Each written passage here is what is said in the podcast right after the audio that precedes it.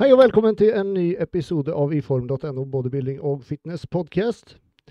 Eh, som alltid så inneholder denne podcasten reklame og produktplassering for våre annonsører, og det kan også forekomme giveaways. Vi starter med å si takk til mine annonsører som er Gym 2000, Gymspot, Hälsokostbolaget og The Shock Factor. Setter også veldig stor pris på mine patrons som er med og støtter. Petter, May-Lisa, Sveinung, Espen, Siri, Anel, Stian, Eh, Annie og Raymond, tusen takk til dere. Om du har lyst til å være med og støtte meg i podkasten, går du til patron.com slash Andreas Adolfsson, og adressen dit finner du i beskrivelsen av podkasten. Eh, du kan også være med og gi veldig god støtte gjennom å trykke like på videoen og abonnere på kanalen. Og så har det vært til veldig stor hjelp om du vil gi en rangering på enten Spotify eller iTunes. All right. Faen, er det så lenge siden jeg gjorde det føler jeg. Så jeg har nesten glemt av hvordan jeg gjør det. Skal vi se. Nå må vi trykke på den. Og der har vi Malena Lida. Velkommen. Takk. Nå frøys hele bildet her. Nå skjønner jeg ingenting. Hvorfor gjorde det det? Ja, der funker det. Nå er det et eller annet som har skjedd. Der er vi i gang igjen. Det frøys.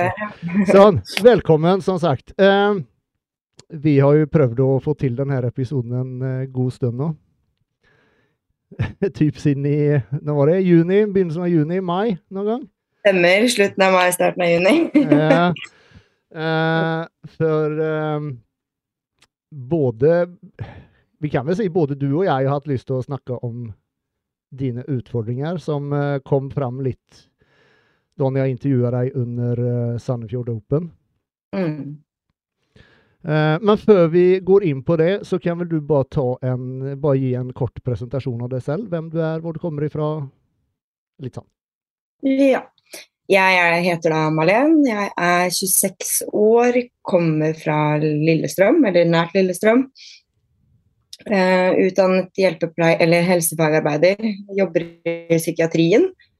Og ja, har nå, eller debutert til nå i mai i Body Fitness, da, eller i denne vårsesongen i Body Fitness. Mm. Kort og godt. Og du gjorde en uh, veldig god debut. Du fikk jo andreplass. Og var, du var vel bare én poeng fra førsteplassen, om jeg ikke husker helt feil? På Sandefjord, ja. Mm. Mm. Så tredje på GP, og hva var det? Eh, tredjeplass på EM. ja, ikke sant. Just den tredjeplassen på EM, det er jo virkelig noe, noe å være stolt over. Det var eh, en helt ubeskrivelig følelse. Mm, det, det, skjønner jeg veldig godt. Mm. For der, der, er nivået utrolig høyt. Og så du da som er, faktisk er debutant mm. og gjør det så bra. Det sier litt om hvor god du faktisk er. Ja, det var kjempe Det var en helt sinnssyk opplevelse. ja, det forstår jeg. Eh, som, eh, som, jeg var inne på, så når vi pratet vid på Sandefjord, så kom det jo fram, eller du åpnet deg, så som jeg skjønte, for, egentlig for første gang offentlig, om at du i lang tid har slitt med uh, bulimi. Mm. Hatt spiseforstyrrelse, rett og slett. Uh, og vi snakket jo en god del om det. Uh, du kan vel bare gi en, for de som ikke har sett det i intervjuet, så kan du vel bare si litt om hvor lenge har du, har du hatt denne sykdommen, hvor lenge har du slitt med det, når starta det? Litt sånn. Um, sånn kort oppsummert så har jeg på en måte hatt et litt sånn vrangforestilt syn på meg selv siden jeg var ganske liten. Men, og på en måte vært litt sånn av og på bulimetiker fra jeg på en måte gikk på ungdomsskolen. At det var litt sånn småting, men ikke noe sånn en, Det var liksom en gang i ny og ne nå og da, liksom. Altså sånn Og så blei jeg vel egentlig veldig, veldig dårlig sånn i 2018-2019 ble jeg liksom dårligere og dårligere og dårligere, da. Mm. Dårligere da med i forhold til just spisingen, da, at den gikk mer og mer over styr, eller var det just det dårlige selvbildet som ble dårligere og dårligere, eller er det en kombinasjon av begge? Det var nok en kombinasjon av begge. Eh, dårlig selvtillit og på en måte var redd for mat, redd for ulike næringskilder. Altså, det gikk i mye sånn litt sånn angst at OK, spiser jeg det, så vil jeg gå opp Altså, det var sånn urealistiske tanker rundt både mat og selvbilde, da. Mm. Egentlig. Så det, ja, det var eh, jeg har vel på en måte egentlig aldri på en måte sett det andre ser. Og sånn tror jeg det er for veldig mange, at man sliter litt med å Mm. på en måte se hvordan den egentlig ser ut, og så finner man bare feil. Man når de målene man vil, Mm. så finner man bare nye feil istedenfor å på en måte se hvor bra man egentlig er, da. Og ja. Så ja. Du sier, du sier det, du har hatt dårlig selvbilde veldig lenge, og det begynte veldig tidlig. Var det eller sånn man prøver å se objektivt på det, da, var det egentlig noen grunn til det? Var du overvektig som liten, eller noe sånt? Eller hadde du no, egentlig noen grunn til å få det dårlige selvbildet? Eh, nei. Ble du mobba, eller noe sånt? nei. Nei. Ikke på den måten, holdt jeg på å si. Og nei, eh, jeg har på en måte alltid vært, hva skal jeg si, eh, smal, slank, atletisk. Mm. Um, og ikke på en måte vært noe overvektig, ikke hatt noen kilo for mye. Eh, sånn, så jeg har egentlig på en måte ikke hatt noe utgangspunkt for å på en måte skulle tenke at jeg var overvektig, da. Mm. Eller i, Men igjen så var det noe som skjedde i hodet mitt, og det jeg så, hva ble en realitet, da. Istedenfor hva som egentlig stemte. Så ja. Og når, når begynte da du Eller hvor gammel var du når just spisegreiene begynte? At du begynte å Nå vet jeg ikke hva- som skjer. Er er det at man overspiser og, og kaster opp, eller? Ja, eller altså Ja, bulimi er jo i hovedsak at man overspiser. At du på en måte har en overspisingslidelse, og så på en måte kaster du opp etterpå da, for å på en måte hva skal man kalle det, rense eller få det ut, eller ikke den frykten for å gå opp i vekt. da. Altså, Det kan starte med helt normale porsjoner, helt vanlige sånne helt vanlige personer, middagspersoner, men så tenk, overtenker du det. Mm. Og så til det på en måte går over styr, hvor du faktisk sitter og Jeg vet ikke om jeg skal gå inn på hvor, hva som er mengde, men det er snakk om ganske mye mat, da. Gi et eksempel. Ja. uh, nei, det blir til at du spiser Si du spiser en vanlig middagsporsjon, og så dytter du deg sånn ja, tre kjekspakker, fem potetgullposer, fire liter med is. Eh, oppå det her så spiser du kanskje Så drikker du mye. Eh, og så Nei, det er, det er ekstreme mengder. Du kan spise to, ja, i tillegg to muffins. Det er, det er snakk om ekstremt. Altså sånn Å, fy fader. Såpass, ja. mm. Ja, Det er, det er snakk om ekstremt. Det er, Ja. og, mens andre altså, Det trenger ikke alltid å være så ekstremt heller. Det kan bare være en vanlig porsjon, men så er det sånn Nei, dette er feil mat. Og så er det nok til å på en måte tulle hodet ditt tota- Eller altså Til å gjøre at hodet ditt på en måte tenker at «Å, dette her skal ikke jeg ha. Og så ja, går det sin gang da med Mm. oppkast og tull. Og hvor gammel var du når, det starta? Sånn cirka.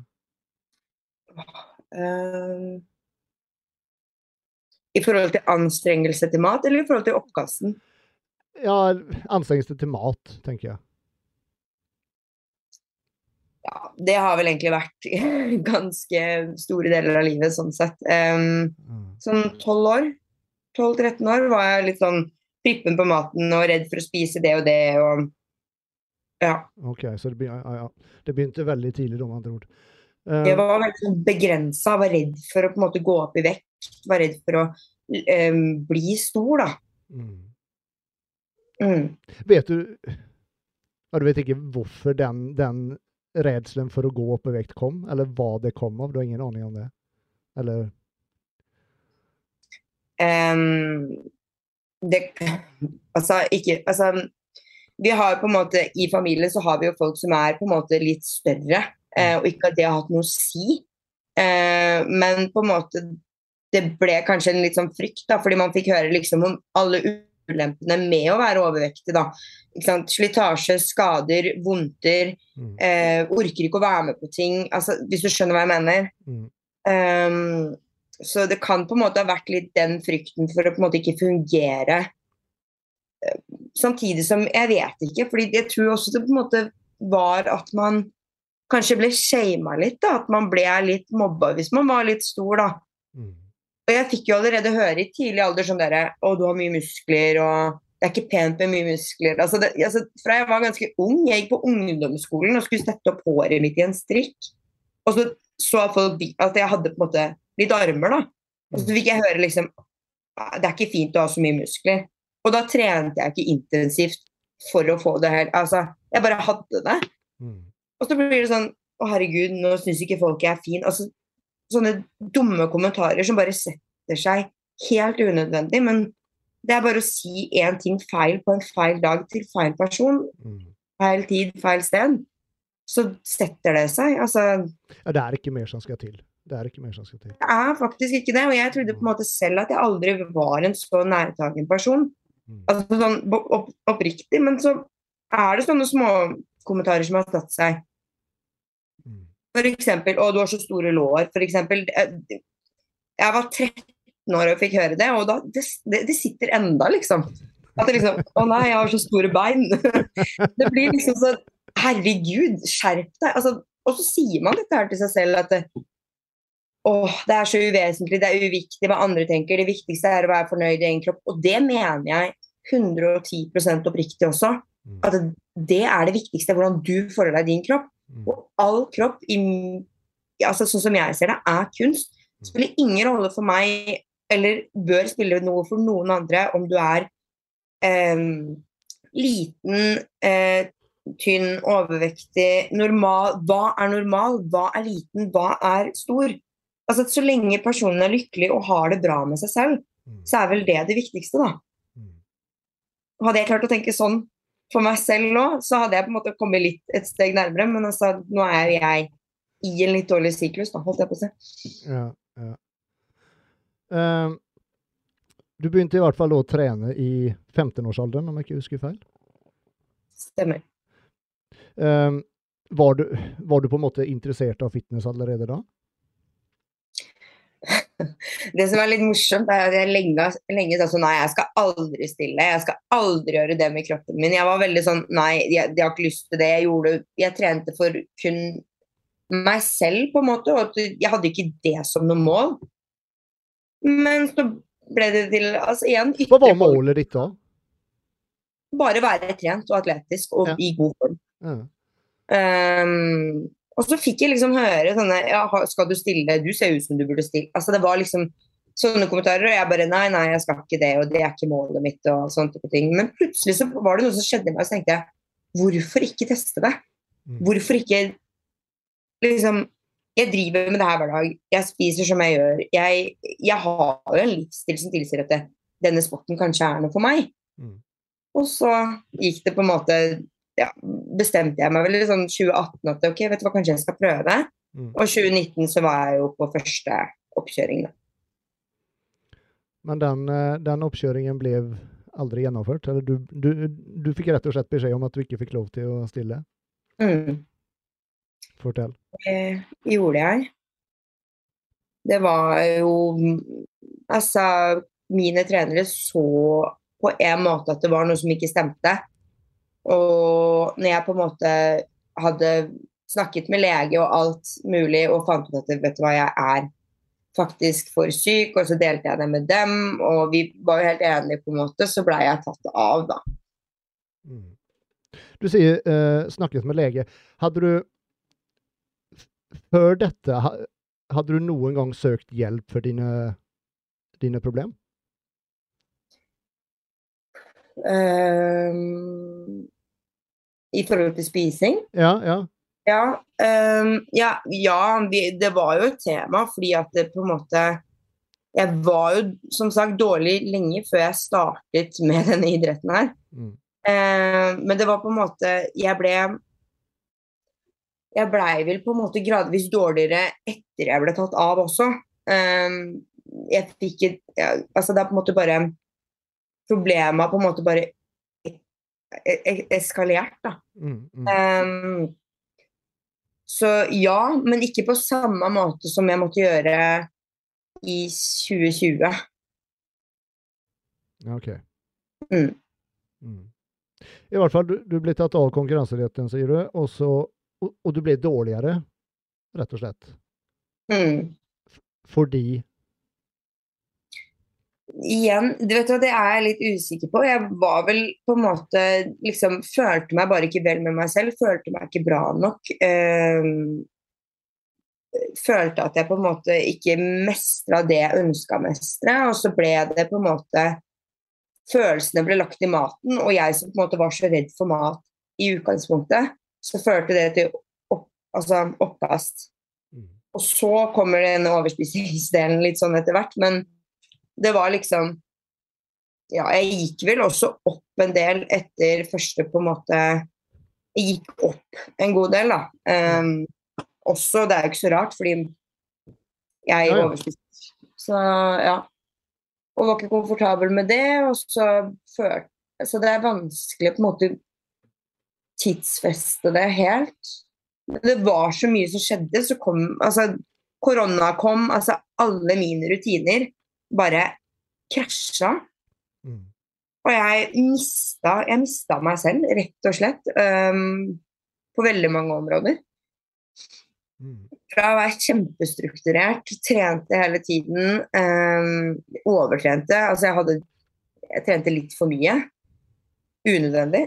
Uh, og til å på en måte bare ikke bry meg, starta å feste, stakk ut, hadde null rutiner. og det, altså det ene førte til det andre. Da. Det gikk, det, jeg, gikk, jeg gravde meg selv i en dårligere sirkel over tid.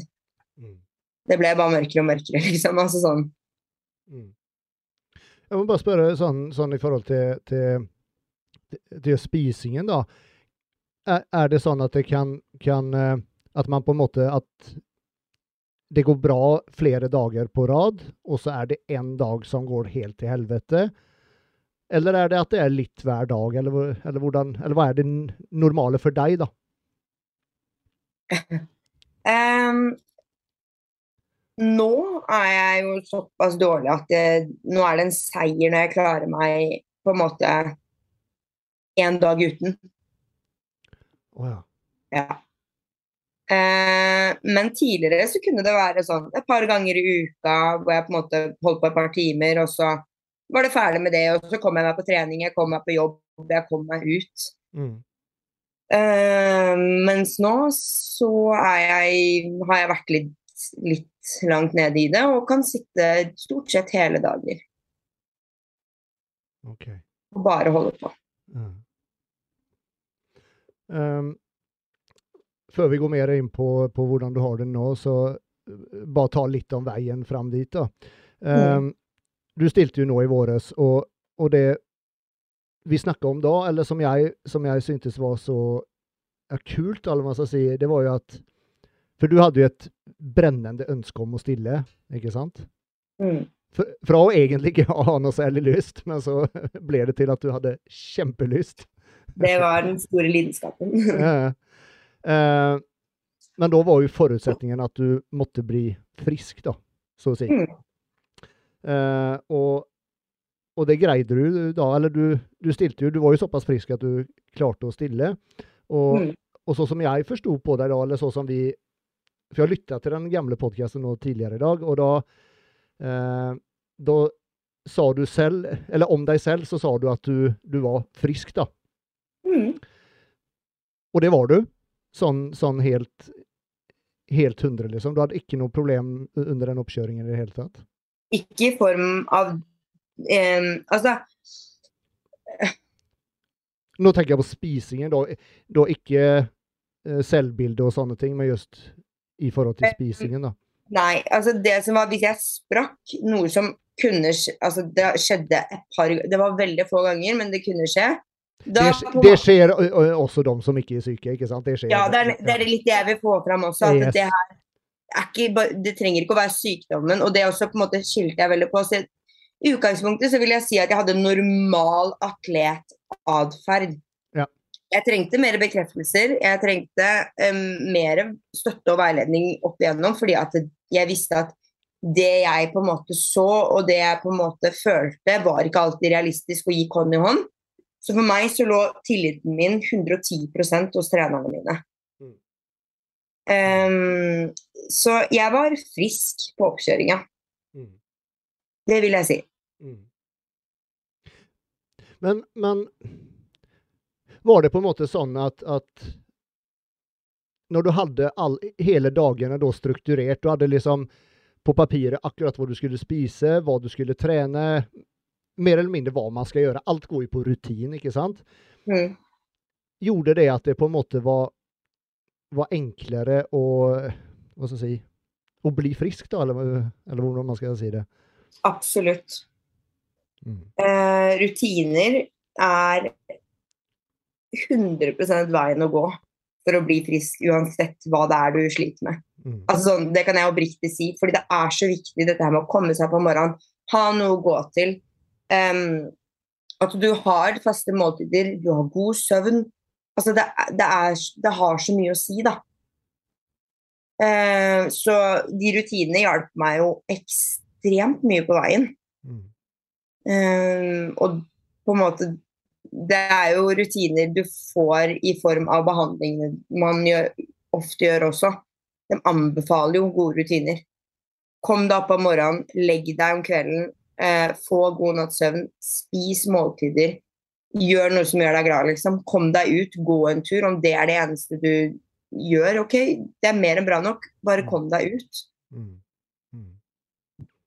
Men var det sånn at du på en måte ble, ble frisk under dietten, eller, eller, var du så å si frisk før du starta? Mm, jeg ble frisk på diett. Mm. Mm. Og med det opplegget jeg hadde.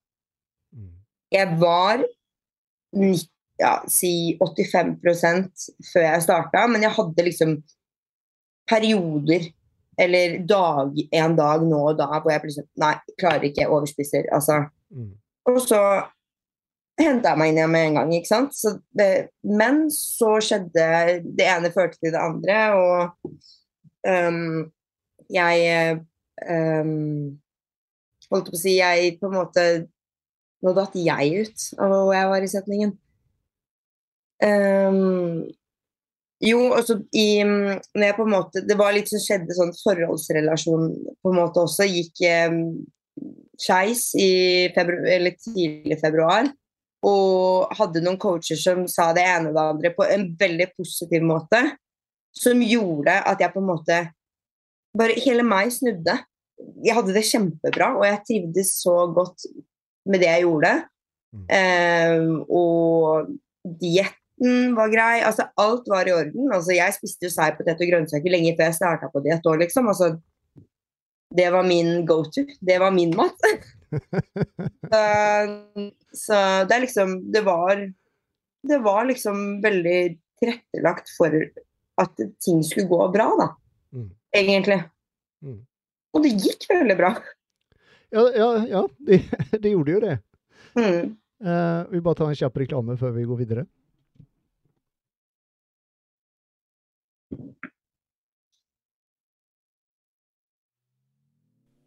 Trenger du kvalitetsprodukter, knallbra service og kjapp levering? Da er Gymspot stedet for deg.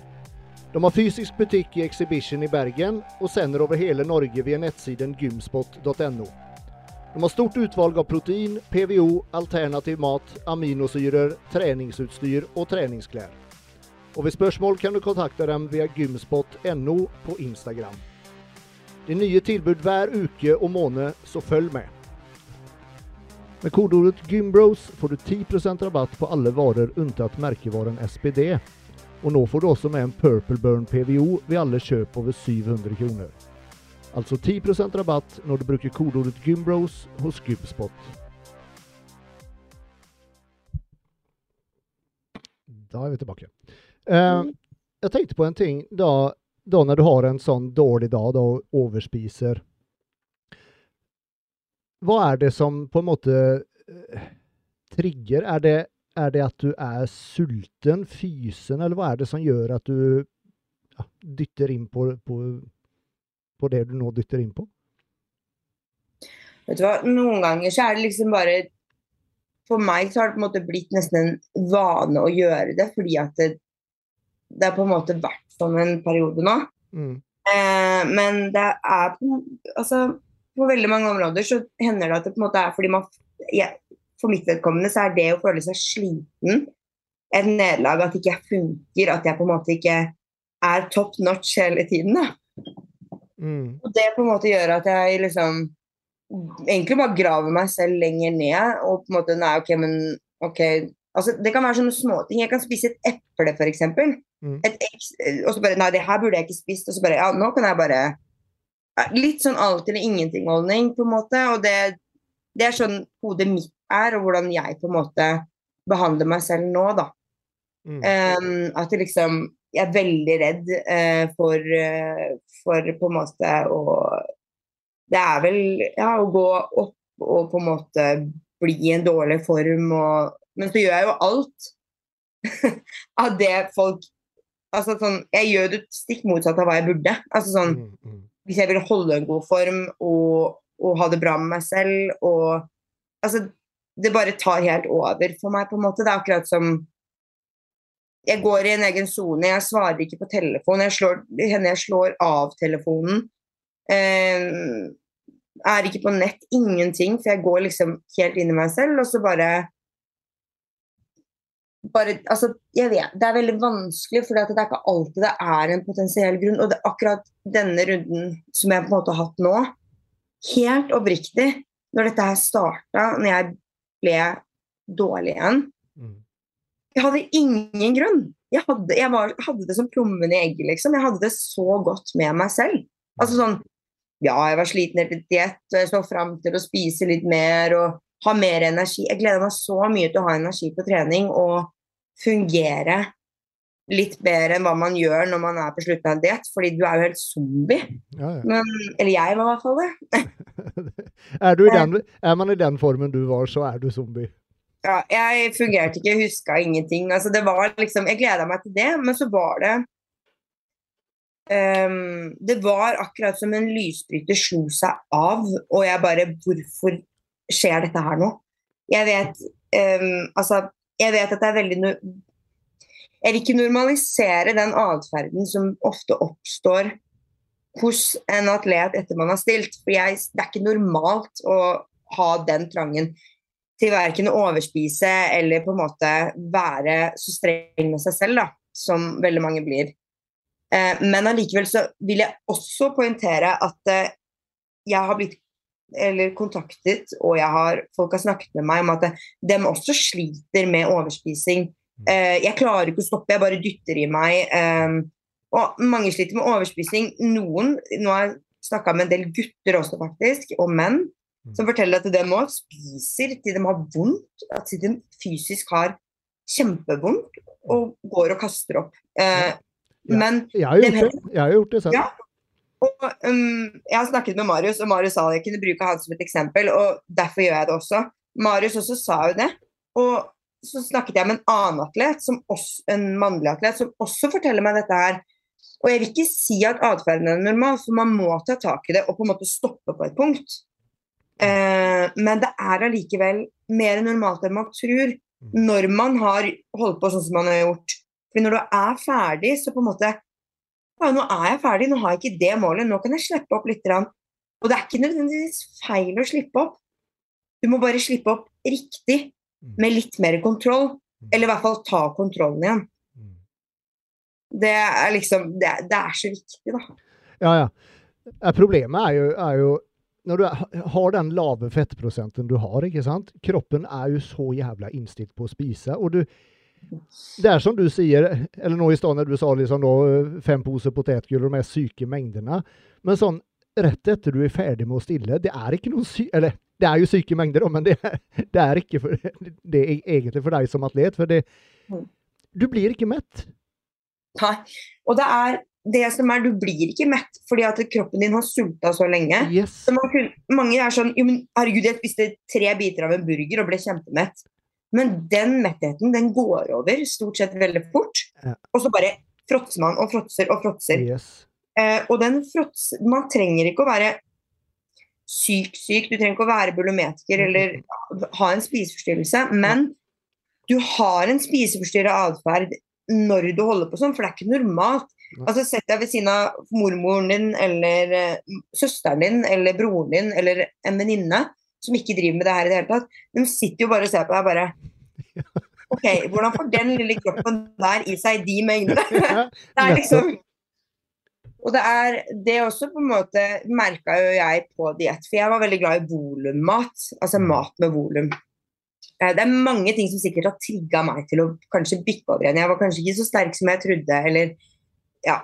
Men jeg er glad, som sagt, glad i mat med volum. Jeg er glad i mat. Jeg velger ikke proteinshake, for å si det sånn. Uh, det her er det går det i fisk, potet og grønnsaker. All the way, fordi det er mye mat. Mm. Og så kommer jeg til folk generelt, eller på jobb eller andre steder som bare Å, fy faen, du spiser mye mat. Mm. Og jeg bare Du vet at det jeg spiser i det måltidet her, det spiser du i halve måltidet ditt. Ja, ikke sant. Den, den brødskiva du har der, det er mer Ja, kalorier enn hva er- Ja, ikke sant. Ja, fordi at Men folk ser ikke det. Folk er så opptatt i hva du spiser, og jeg syns nesten det er verre utenom miljøet. Mm. I miljøet syns jeg ikke det er ille, men utenom miljøet så er det liksom Folk skal kommentere Yes. hva du spiser, når du spiser, hvor ofte. Mm.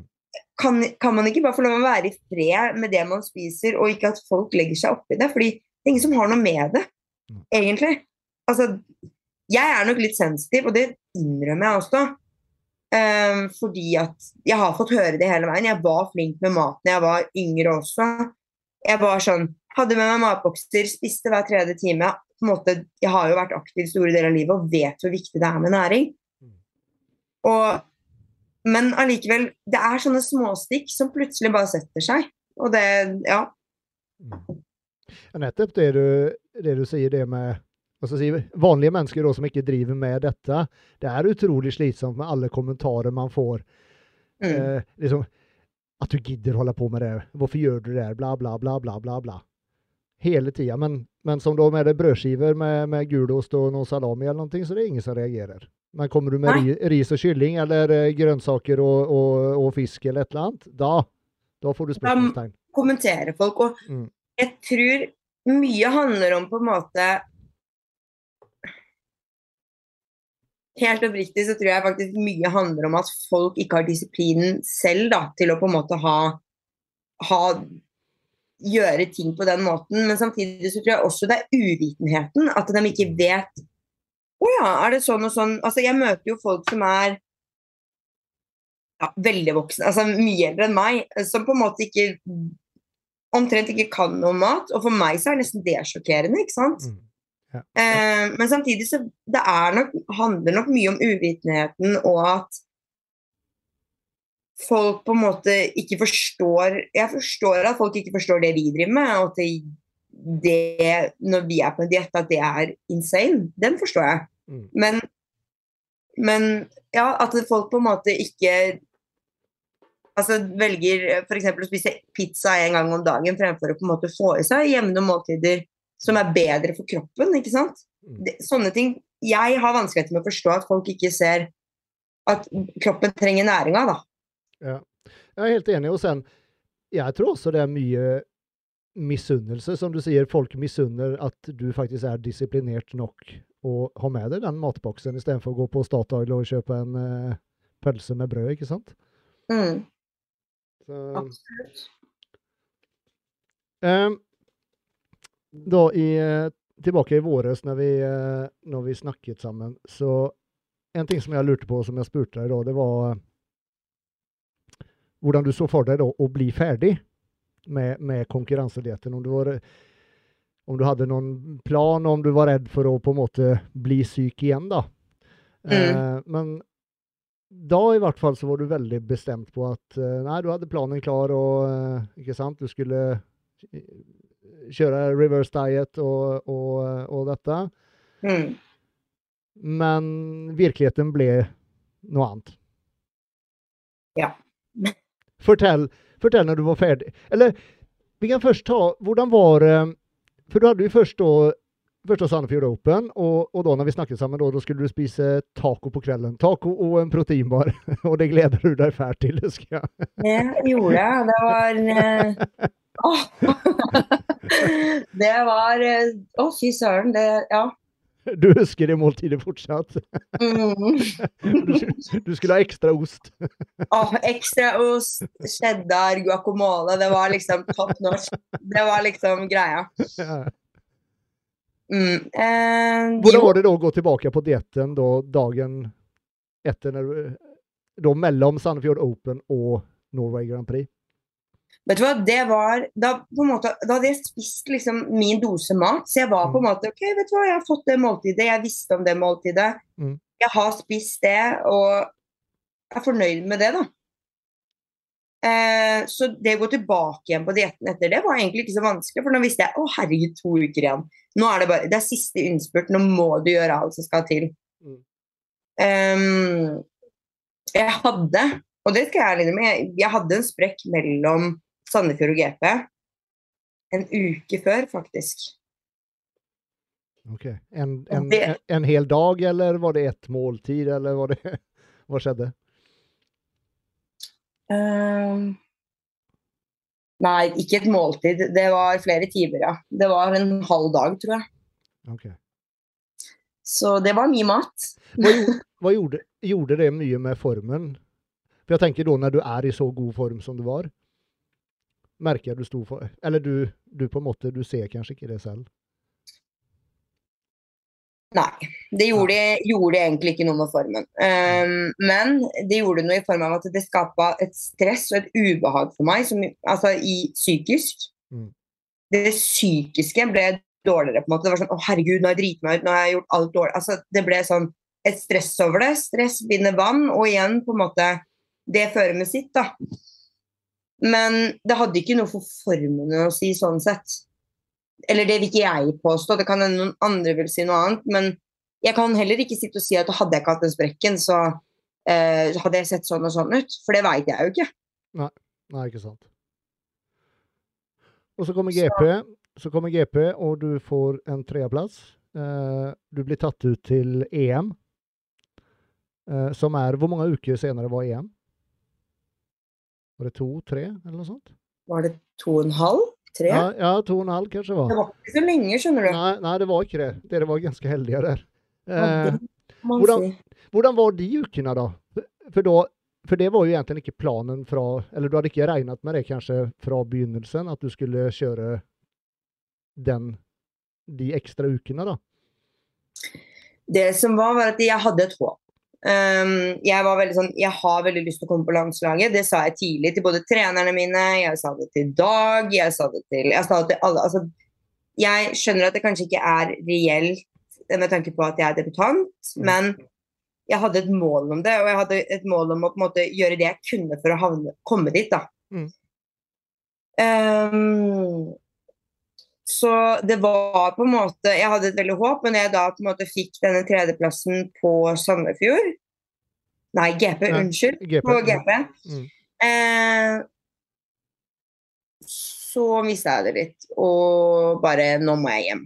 Eh, jeg var kjempelei meg. Og bare, nå kan jeg bare glemme alt som har med landslaget å gjøre. Og eh, jeg var skuffa eh, over den tredjeplassen. Jeg vet at man måtte må Men jeg var skuffa. Jeg Ja, ja, det er lov å si det, altså. Um, ja. Jeg vet ikke hvor Jeg var, jeg var skuffa. Det er vel egentlig det jeg kan si. Mm. Um, og det hjalp, eh, hjalp, men hjalp ikke at folk kom og klappa meg på skulderen og bare 'Jeg forstår du er skuffa'. Eh, og jeg bare prøvde å være glad på andre sine vegne, men nei, jeg klarte ikke det. Og da var det bedre for meg å reise. Så da satte jeg og søsteren min og, Altså, søsteren min kjørte, og jeg dro hjem. Eller på vei hjem. Okay. Da får jeg en melding eh, Nei. Var det melding, eller så ringte vel Kenneth, eller jeg husker ikke hva det var. Mm. Eh, jeg tror det var melding hvor det sto noe sånt som eh, Nå må ikke du ta helt av. Eller jeg bare ta helt av. Jeg sitter i bilen på vei hjem. Hva tenker? Altså, det var et eller annet sånn, og så jeg bare Nei. Jo, han ringte. Uh, og da ringer han, eller noe sånt. Og da sitter jeg i bilen med søstera mi, og han bare forteller at liksom Du er tatt ut. Jeg bare Tatt ut? Hva snakker du om? Altså, ja. Og han bare Nei, du er tatt ut på landslaget. Og jeg kødder ikke, søsteren min holdt på å kjøre ut. Jeg begynte å hylgrine. Jeg bare Jeg bare gråt og gråt og gråt. Og søsteren min bare Hva er det, hva er det? Hun ble helt stressa, ikke sant. Hun bare Jeg har aldri sett deg grine sånn. Går det bra? Altså, hun var helt satt ut. Og jeg bare Jeg kan ikke si dette her til noen, men jeg er tatt ut på landslaget, liksom. Og hun bare å, herregud! Så ja, den veien hjem. Og jeg kommer fram, og vi skulle ut og spise, pappa og broren min og jeg, og ja. Mm. Skulle spise indisk. Og jeg sitter der og liksom Den så jo hvor skuffa jeg var, og hvor lei meg var før jeg dro. Og så klarte jeg liksom ikke å holde maska samtidig som jeg gjorde det, og pappa bare Jeg er så stolt av deg og det du gjør, og liksom Og jeg sitter der og tvinner tommeltotter og jeg klarer ikke å holde meg. Jeg er tatt ut på landslaget, og han bare Kødder du? Hæ? og jeg bare Nei. Og da var det liksom Ja, helt sånn i ekstase, holdt jeg på å si. Ja, det var helt Ja, jeg var Det hjalp litt på skuffelsen du, du, som ble over tredjeplassen, da, på en måte, det at du ble tatt ut på landslaget? Absolutt. Og det bestemte meg vel Nå skal jeg i hvert fall vise dem, og målet mitt var jo topp ti Mm. i EM, men det gikk jo bedre enn det. Ja, det gikk jo veldig mye bedre enn det. ja. Hvordan, hvordan var de, de ukene fram til EM, da? Gikk det helt OK også på dietten? Åh, eh, Vet du hva, jeg tror, helt oppriktig så hadde jeg vel en sprakk, sprekk mellom der òg, hvis ikke jeg husker helt feil. Mm. Ehm, men igjen, jeg henta meg fort, og det var liksom Hva skal jeg si? Det er den typiske sprekken. Du overspiser. Det, det er liksom den du hører om som alle nevner. At å, jeg sprakk, liksom. Noen sprekker på en pizza, andre spiser hele kjøleskapet. Tre, tre pizzaer. Tre pizzaer, fire sjokoladeplater og en langpanne med sjokolade. Eller et sånt Ja, ja. Det er liksom Ja. Så det, det var vel mer enn den normale sprekken, men det var ikke noe god følelse, på en måte, med tanke på Altså, man setter så høye krav, på en måte, da, ikke sant. Fortjener jeg å havne der hvor jeg havner når jeg har en sprekk? Altså, du, du går så mye inn i deg og straffer deg selv på så mange unødvendige måter, da. Altså kjøre fire timer cardio, eh, fem økter, altså to økter om dagen, to og en halv time per økt. Altså, du drar deg selv så mye lenger ned pga. at du har sprukket, istedenfor å på en måte, ok, vet du hva, ta med deg følelsen. da. Den følelsen du har etter du har sprukket. For det er ingen som har noen god følelse etter det. Jeg har i hvert fall ikke møtt noen som har det. Um, fordi at du vet at det, det ikke er noe bra for formen, jeg skulle ikke gjort det, det er ikke det her som er planen så er man vanligvis veldig dedikert til det man gjør. Så man vil ikke feile på veien. Man vil ikke spise man vil ikke spise noe annet enn det man skal. Og når man da gjør det, så straffer man seg selv ved å på en måte ok, straffe kardio. Eh, ikke spise dagen etterpå. Altså, det er så mange måter å kompensere med en dårlig atferd, istedenfor å heller ta lærdom av situasjonen. Ok, jeg hadde det ikke noe bra med meg selv etterpå. Bruke det som et argument for å ikke gjøre det igjen, istedenfor å straffe deg selv og straffe deg selv og straffe deg selv. Det er ikke noe sunn måte å gjøre ting på. Nei, nei. nei, det er ikke det. Men det er eh, Det er som du sa i stad, at, at de fleste sprekker. Det er helt normalt å sprekke. Og i hvert fall da når du har vært på diett så jævla lenge og er i den gode formen som du har. De fleste sprekker en eller annen gang. Jeg tror ikke det er en, ja, det, er de færreste som aldri har sprukket, da, for å si det sånn.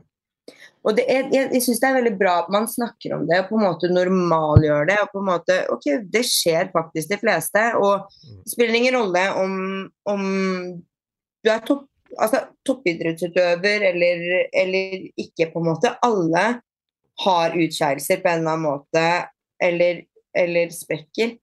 Og da, altså, det handler om hvordan du på en måte tar det derifra Mm. ikke lag deg disse usunne tankene om straffekardio eller det ene og det andre. Altså, mm, helt opp mine, altså, mine coacher eh, i, som da var toppform, eh, sa jo til meg liksom det bare, OK, det skjedde. Mm. Det skjedde. Det skulle ikke skjedd, men det skjedde. Mm. Nå går vi videre. Ja. Ikke sant? Det var en veldig sunn måte å håndtere det på. Mm. Eh, og så kunne vi kanskje snakke om hvorfor skjedde det. Men da var jeg, jeg har vært en veldig sånn utøver som er veldig sånn flink til å på en måte si OK, det og det og det. Det er ikke noen unnskyldning, men det er en forklaring. Altså, jeg var flink til å formidle hva og hvorfor, så vi stilte ikke så mye spørsmål ved det. Altså, en god forklaring i seg selv er 'jeg er dritsulten'. Ja. Og det er vi. De ukene der, så, så liksom Du trenger ikke gi noen forklaring. Alle, alle skjønner egentlig hvorfor du sprekker, ikke sant? Mm. Du er utsulta, enkelt og greit. Kjempesulten, og ytelsene ligger der. Og det kommer bare mer og mer, og du blir bare mer og mer sulten. Og helt ærlig, jeg vet ikke om det, jeg vet at det har noe å si, men når fettprosenten din er så lav òg, hodet ditt bare Ja, ja. Det funker ikke. Kroppen vil ikke ha det så lav fettprosent. Enkelt og greit. Nei. Og det er så lite som skal til for å på en måte bikke av den pinnen, da. Det er det. Det er det. Vi tar en kjapp reklame igjen.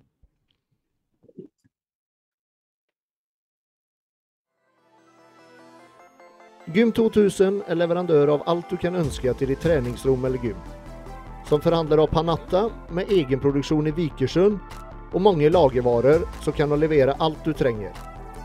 Nettbutikken gym2000.no er alltid åpen, og bruker du kodeordet 'gymbros', får du gratis frakt på alle ordre over 300 kroner.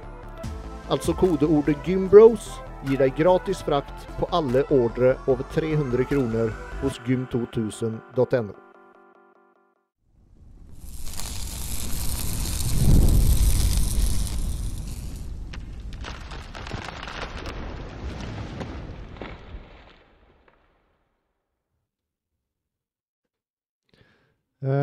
det, det er på tall med å eh, overspise og straffe seg selv da når man sprekker på dietten.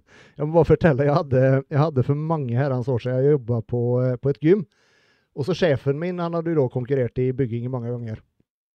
Og han eh, Om han sprakk på dietten, så spiste han såpe. Nei! da, ble, da, ble det, da ble det enklere å kaste opp. Å, herregud! Så der, der kan du snakke om destruktiv atferd. Ja, men det er jo veldig det.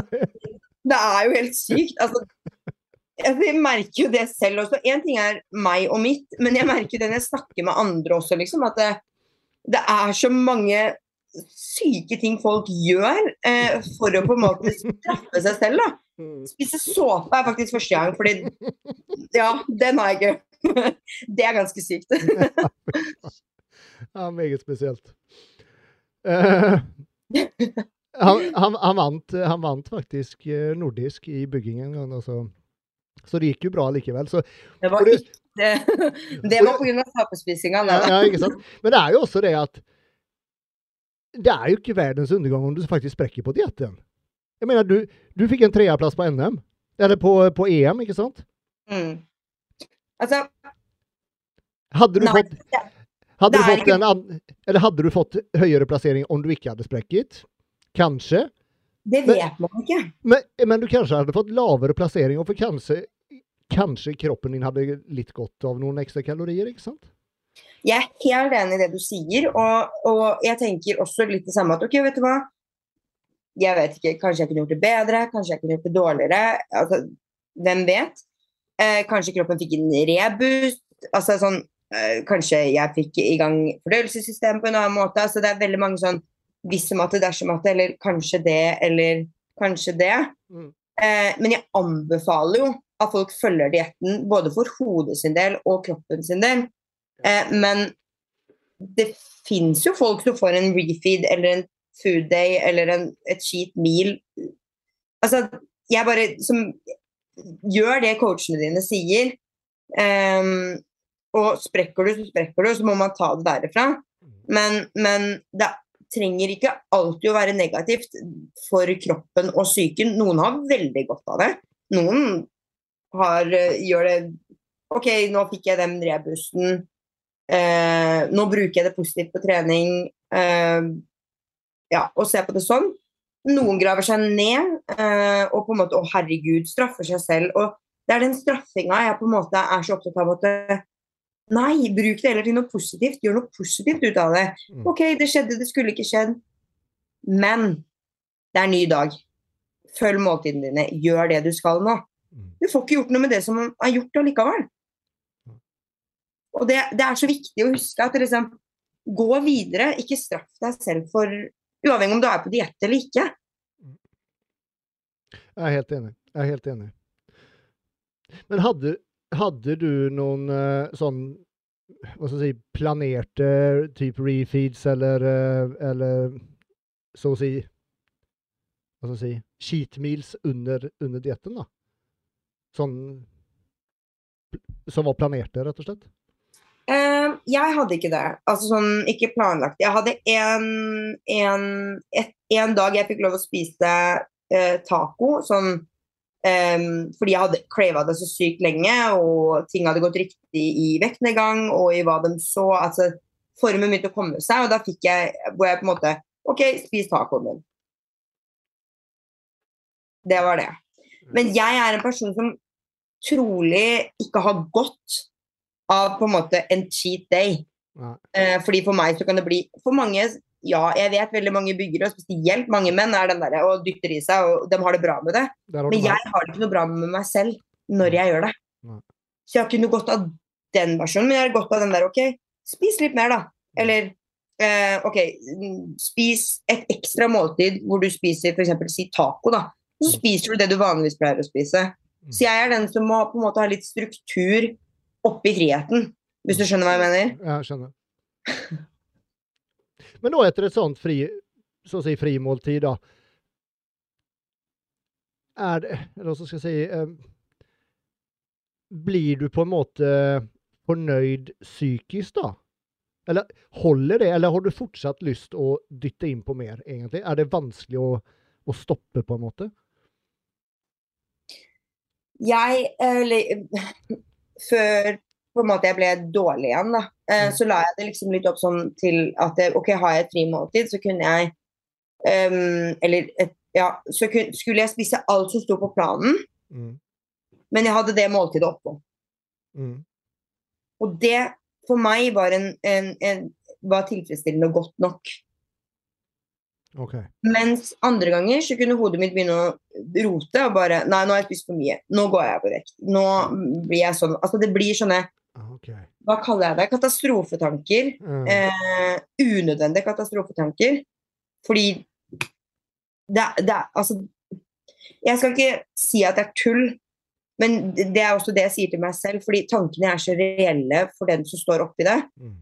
Men det er tull. Det er en urealistisk tanke. Du går ikke opp av å spise et cheat meal i uka. Mm. Eh, er du på en diett, så skal du følge dietten fordi det er hardcore. Det er strict. Det, du, du skal i en syk form. Mm. Eh, men når du er offseason, så har du lov til å gjøre ting på en litt annen måte. Um, og, men det handler om på en måte å balansere det. Um, nå snakket jeg jo med Marius også i forhold til uh, hvor normalt det er på en måte å sitte og spise og spise og spise, og mange eh, får ikke dempet den sulten for det har gått en måned, for det har gått to. Og selvfølgelig går man opp. Du skal opp etter en konkurranse. Du skal ikke ligge, du, det er ikke en normal form å være i året rundt. Mm. Det er ikke en sunn form å være i året rundt. Um, men du må finne en balansegang hvor du begrenser deg. fordi hvis du sitter du, altså Fordøyelsessystemet ditt er så ødelagt etter å på en måte skulle dra deg ned så mye i, i vekt og fettprosent og skal i en viss form, så fordøyelsessystemet ditt trenger en restart ved at du øker mengden på en viss måte. Nå vet jeg folk gjør det veldig ulikt, og det er ulike måter å gjøre det på, så jeg skal ikke gå inn på det. Men det er um, Gjør det du får beskjed om, på en måte. Altså, ikke slipp deg helt opp. Og hvis du gjør det, ta og på en måte Du må finne et punkt hvor du stopper. Hvor du ikke bare sitter og fråtser og fråtser og fråtser. Fordi med tiden så selvfølgelig er ikke det bra. Det er jo ikke en sunn ting å gjøre, å sitte og spise og spise og spise og spise. Ja, det er ikke det, altså. Det er, eh, men det er, det er så jævlig vanskelig, det. Og det er også en ting som Vi har jo snakka veldig mye om det på Gymbros, da, just det med, da med, med, med at folk må være obs. Da framfor alt debutanter, da, må være obs på just tiden som kommer da etter konkurranse, for det er en jævla tøff overgang. Men, men det går jo heller aldri å forberede noen på hvordan det faktisk er. Du må, liksom, du må oppleve det før du vet hvordan det er, for det er Ja, det må oppleves, rett og slett. Det er helt, helt riktig, og det på en måte Jeg var veldig hard på det. Eh, Jeg sa det kommer ikke til å skje meg. Nei, det, Eh, det var litt det du sa du sa når vi snakket, ikke sant? Du hadde planen klar, og det var ja, det var ikke noe problem. Du hadde støtte av coachene og alt dette, så det skulle ikke være noe problem. Men Ja. here we are. Det- Det Og jeg Jeg, altså For dem som kjenner meg, eller for dere som ikke kjenner meg, så er jeg, jeg dritsta eh, på godt og vondt. Eh, og jeg skulle ikke gjøre det. Jeg visste at det ikke kom til å skje. Eh, og grunnen til at jeg visste det, var fordi jeg visste at veien tilbake til sykdommen var der, ikke sant. Um, og jeg må være forsiktig, og altså Det var så mye å jeg, jeg hadde så mye punkter å legge i begrunnelsene på hvorfor det ikke ville skje meg. Mm. Uh, men det skjedde meg. Mm. Um, og det traff meg ganske hardt. Um, Starta det Eller var det liksom fra at du var ferdig på EM at det starta liksom typ dagen etter, eller uh, gikk det en stund før du før det gikk skeis? Mm, det gikk ikke en stund. Det var uh, dagen etterpå. Samme kveld dagen etterpå. Okay. Men samtidig så vil jeg si at det kanskje ikke er så unormalt at man får den derre litt Nei. rett etterpå. Så jeg er litt Ja, sånn forsiktig med å si at det skjedde rett etterpå, Ja. samtidig som det gjorde det. Um, fordi For- de fleste tror jeg, eller jeg i hvert fall, og, de- og de fleste jeg kjenner, den første dagen og de første dagene, så da er det fråtsing, og du spiser liksom deg halvt i hjel. Så, mm, så det skulle jeg vilja si er normalt. Jeg husker jeg hørte på den podkasten om reverse diet og hvor viktig dette her når du, Heidi og Marius alle satt og snakket om det. Mm.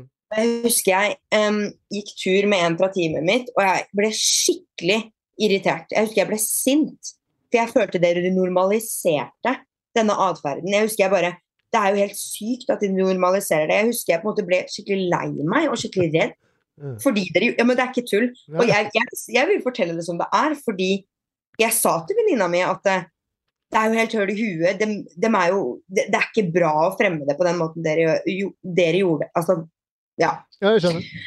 Og så på en måte liksom tenkte jeg herregud, jeg burde sende en melding til Marius og si at jeg syns det var helt høl i huet. Altså, men så gikk jo tiden, og så gjorde jeg på en måte ikke det. Og tenkte ja, ja, la det nå ligge, liksom. Men samtidig nå så skjønner jeg jo hva dere snakket om. Jeg skjønner hva dere sa.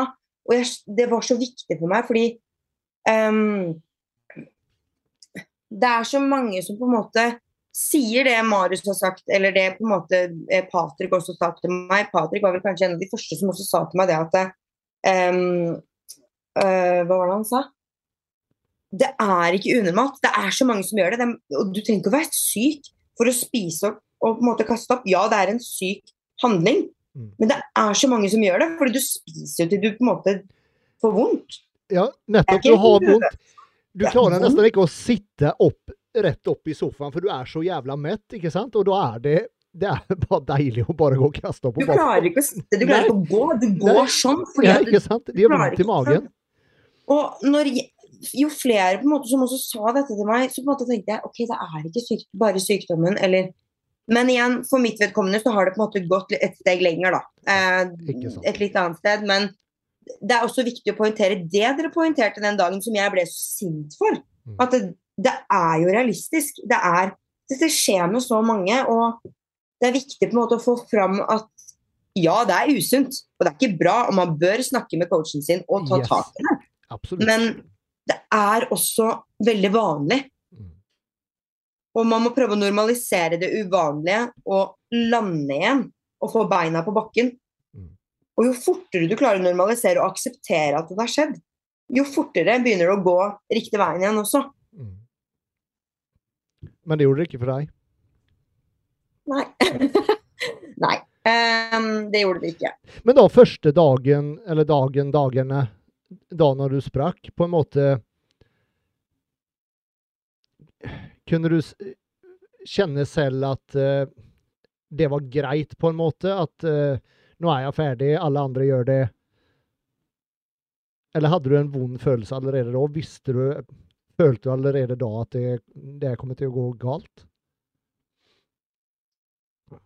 Det som er, er at hvis du klarer på en måte å kose deg med måltidene og ha det bra, så mm. er det bare fint. Uh, mens jeg begynte å overtenke med en gang. Mm. Kan jeg spise det? Bør jeg spise det? Nå kommer jeg til altså, jeg ble, Det ble på en måte veldig destruktive tanker. Rundt det med en gang. Um, jeg sleit veldig med på en måte å skulle opp igjen. Jeg, veldig mange sier at jeg, jeg vil ikke se ut sånn som jeg gjør på scenen. Mens jeg var litt der at jeg visste at jeg kom til å like det. Jeg likte å se sånn ut. Jeg likte å være sånn. Men jeg visste også, og var veldig klar over at det, det er ikke reelt. Du skal ikke ligge der året rundt. Du skal i en offseason. Kroppen din må i en offseason. Kroppen din har det bedre i en offseason enn i en onseason. Og det er i off du bygger. Det er der du også gjør Jeg visste alt dette her, men i mitt hode så bare skrudde alt seg av, på en måte. Altså, jeg aksepterte ikke OK, alle andre gjør det, men, ja, men det spiller ingen rolle. Det. Det spiller ingen rolle.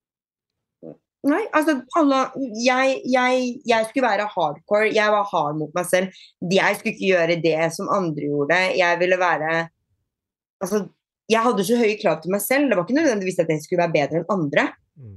Jeg skulle slå meg selv hele tiden. Mm. Eh, og den enorme presset jeg hadde som jeg lagde meg før, uh, før EM, altså før jeg var ferdig med å konkurrere, at det, det skulle ikke skje meg. Um, uh, jeg skulle klare det og det. altså jeg satte meg hårreisende og urealistiske mål istedenfor å ta dag for dag. Uh, fordi det er ingen, og jeg kan si det er ingen som vet hvordan du vil respondere under en diett eller etter diett, eller hvordan tankene dine og hjernen vil fungere under, før, etter. Altså, du må igjennom det for å kunne si noe. Yes. Og alle prøvde å forberede meg. Eh, coachene mine eh, altså, Jeg hørte på poden. Altså, alle sa liksom Man vet ikke, man vet ikke. Men jeg var sånn Jo, jo. Og jeg skal vise at jeg, jeg veit at jeg får det til. Mm. Og så satte jeg meg litt, litt for strenge mål, da, på en måte. Altså Um, jeg satte meg vel litt sånn Og det er ikke noe feil med høye krav eller mål til seg selv, men det er hvordan du straffer deg hvis du går litt utenom hva du egentlig hadde tenkt. Og jeg er nok i en ekstremvariant av den, da. Ja, ja, ikke sant. Og så er det ikke til å stikke under stol med at den følelsen å være i konkurranseform, det du ser i speilet, ikke sant? Mm. Man blir fort, veldig fort glad i det, altså. Jeg, jeg blir i hvert fall det. Jeg, jeg elsker å være i konkurranseform. Mm. Men det er som du sier, at det er jo ikke holdbart. Det er jo ikke det. Nei. Det er jo ikke sunt for verken hodet eller, eller, eh, eller, det fysiske, ikke sant? Nei, og ikke Altså Stort sett så går det på bekostning av helsa også, på en måte. Altså i form av at man Jeg veit ikke hvor mange jeg har snakket med som ble syk rett etter prepp, jeg. Altså, mm. jeg var en av dem. Uh, lungebetennelse, altså you name it. Altså, det, immunforsvaret ditt blir jo redusert med kroppen som på en måte brytes ned over tid. Uh, og man kan godt si at det gjøres jo over tid, og stort sett på en sunn måte, men en sceneform, spesielt body og altså, bod, altså det er ikke sunt. Det er ikke altså, sunt. Det er ikke sunt. Det er ikke sunt. Du ser jo bare hvordan hormonnivået er både hos gutter og jenter. De fleste jentene mister jo mensen, f.eks. Eh, mm. Og vi gutter har jo testosteronnivå på nivå med en Ja, ikke sant? En, ja, liten, altså, en liten unge. Så det er, det er ikke sunt. Det er ikke det. Nei. Så det er egentlig bare å komme tilbake til det normale så fort som mulig etterpå. Men just den overgangen da er jo så jævla vanskelig for veldig mange. Mm. Og så er det også det at mange da Det har vi også snakket mye om på Gymbros, just det med at du på en måte har en plan, at du har mål etterpå også at For det er veldig fort da du, du har liksom jobbet da fram til denne konkurransen, vært på diett i eh, tre, fire, fem måneder, hatt strukturert, allting har gått sånn og sånn og sånn, og så bare helt Mm. plutselig så er du ferdig. Om du da ikke har, har en plan og ikke har noen mål, da er det jævlig fort at ting sklir ut. Men, men uansett om du har en plan, så kan jo ting også da fortsatt skli ut. For det er jævlig lett å si på forhånd at sånn og sånn skal jeg gjøre, men Mm. ja, du vet jo om noen. Absolutt. Eh, og det Jeg hadde jo lyst Altså, jeg hadde i utgangspunktet lyst til å stille igjen nå til høsten. Eh, og tenkte ja, ja, det klarer jeg. Ok, et par uker nå hvor jeg på en måte slipper opp litt, og så kan jeg stille til høsten. Eh, hvor jeg på en måte fikk vel egentlig beskjeden om at nei, kroppen din må tilbake til normalen, hodet ditt må tilbake. Altså, hvis du skjønner hva jeg mener. Jeg hadde veldig lyst, hodet mitt hadde veldig lyst, men så fikk jeg på en måte eh, hva skal jeg si, et nei da på akkurat det. Og jeg forstår hvorfor, det er ikke det jeg sier, men det bikka meg av litt. fordi at um, jeg hadde fått så god struktur, da. Og jeg veit det er minst like Det er en hardere jobb etterpå. Fordi det er så mye som skjer i prosessen hvor du skal opp igjen i vekt, du skal finne en viss mm, Ok, hvor skal jeg ligge for å på en måte bygge eller øh, holde meg altså, hva heter det, stabilt? Mm. Um, øh, altså, du har ulike mål, akkurat som jeg vet at jeg f.eks. måtte bygge for å bli en bedre Altså for å gjøre det bedre enn hva jeg har gjort, da, ikke levere samme formen år på år eller sånne type ting, så må man i en offseason og gjøre ting på en Bygge igjen, altså legge på seg litt og bygge og den prosessen der. Mm. Jeg visste jo dette her. Jeg, jeg var jo helt klar over at det, det var enten eller, men samtidig så ville jeg på en måte konkurrere videre. Mm. Mm, og så følte jeg vel egentlig når jeg fikk på en måte nei, selv om det garantert var for det beste, og det er ikke det jeg, jeg vil ikke på en måte si noe på det, men når jeg fikk et nei, så følte jeg på en måte at det andre ikke hadde troen på meg. Samtidig som jeg vet at det ikke var reelt, men det var det som på en måte hodet mitt fortalte meg. da. Mm. Og da mista jeg på en måte meg selv i den prosessen som jeg egentlig var veldig klar for å starte, i form av enten å konkurrere videre eller å gå i en offseason og følge en plan der. Mm. Men jeg hadde ikke noe mål lenger. Jeg hadde ikke noe Hva skulle jeg nå? Hva skal jeg nå? Eh, ok, jeg kan bygge, jeg kan bare gønne på å spise det jeg vil. Altså Ja, du kan det en periode. Du kan kose deg litt, men en pekepinne, da. Alt med måte. Um, det er ikke normalt sånn som man ser folk et, altså Jeg husker folk jeg snakket med tidligere som hadde skuffer de hamstra all godteriet sitt oppi. Marius. Marius. Oh my god! Og bare tar det med og propper i seg. Det er jo ikke normalt. Jeg vil jo ikke normalisere det, men jeg skjønner det. ja, ja, ja. Men jeg skjønner, selvfølgelig gjør jeg det. det. Ja, det er ikke bare Marius. Fy fader. Nei, nei, det er sant, men, han, legger, ut- han legger ut det på Instagram. Jeg husker første kvelden så satt jeg og spiste hva var det, biff og noen poteter og sånn. Sånn relativt rein, det jeg kaller rein fin mat, på en måte. Og så spiste jeg en ekstra salat ved siden av. Mm. Og da bare OK, det her var for mye.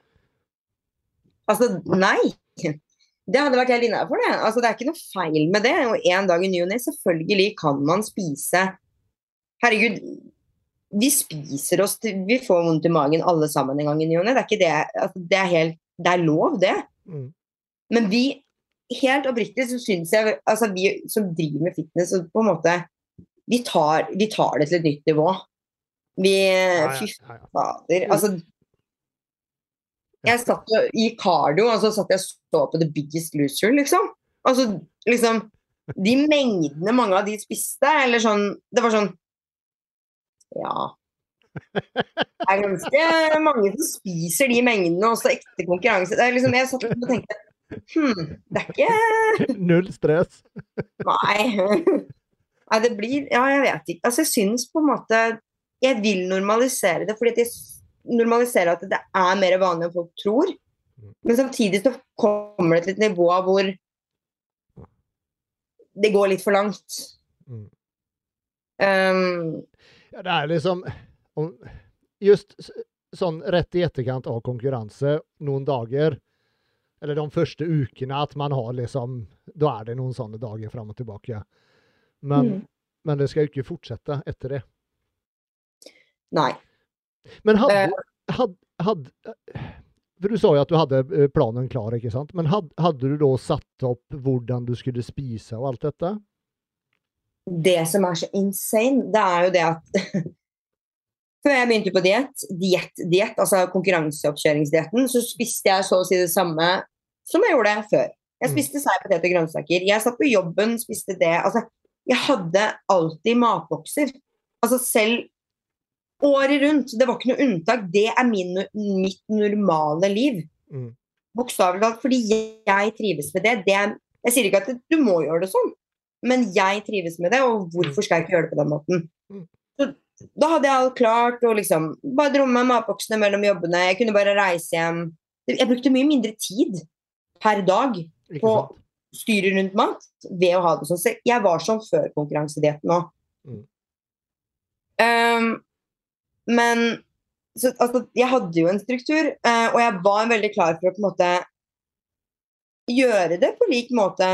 Bare liksom at jeg skulle Jeg var så forberedt som jeg kunne mentalt på jeg skal og jeg skal spise mer. Det er Men allikevel, så for meg så bare slo det av seg en knapp, og jeg, jeg klarte ikke Altså, kontrollen Jeg mista kontrollen helt.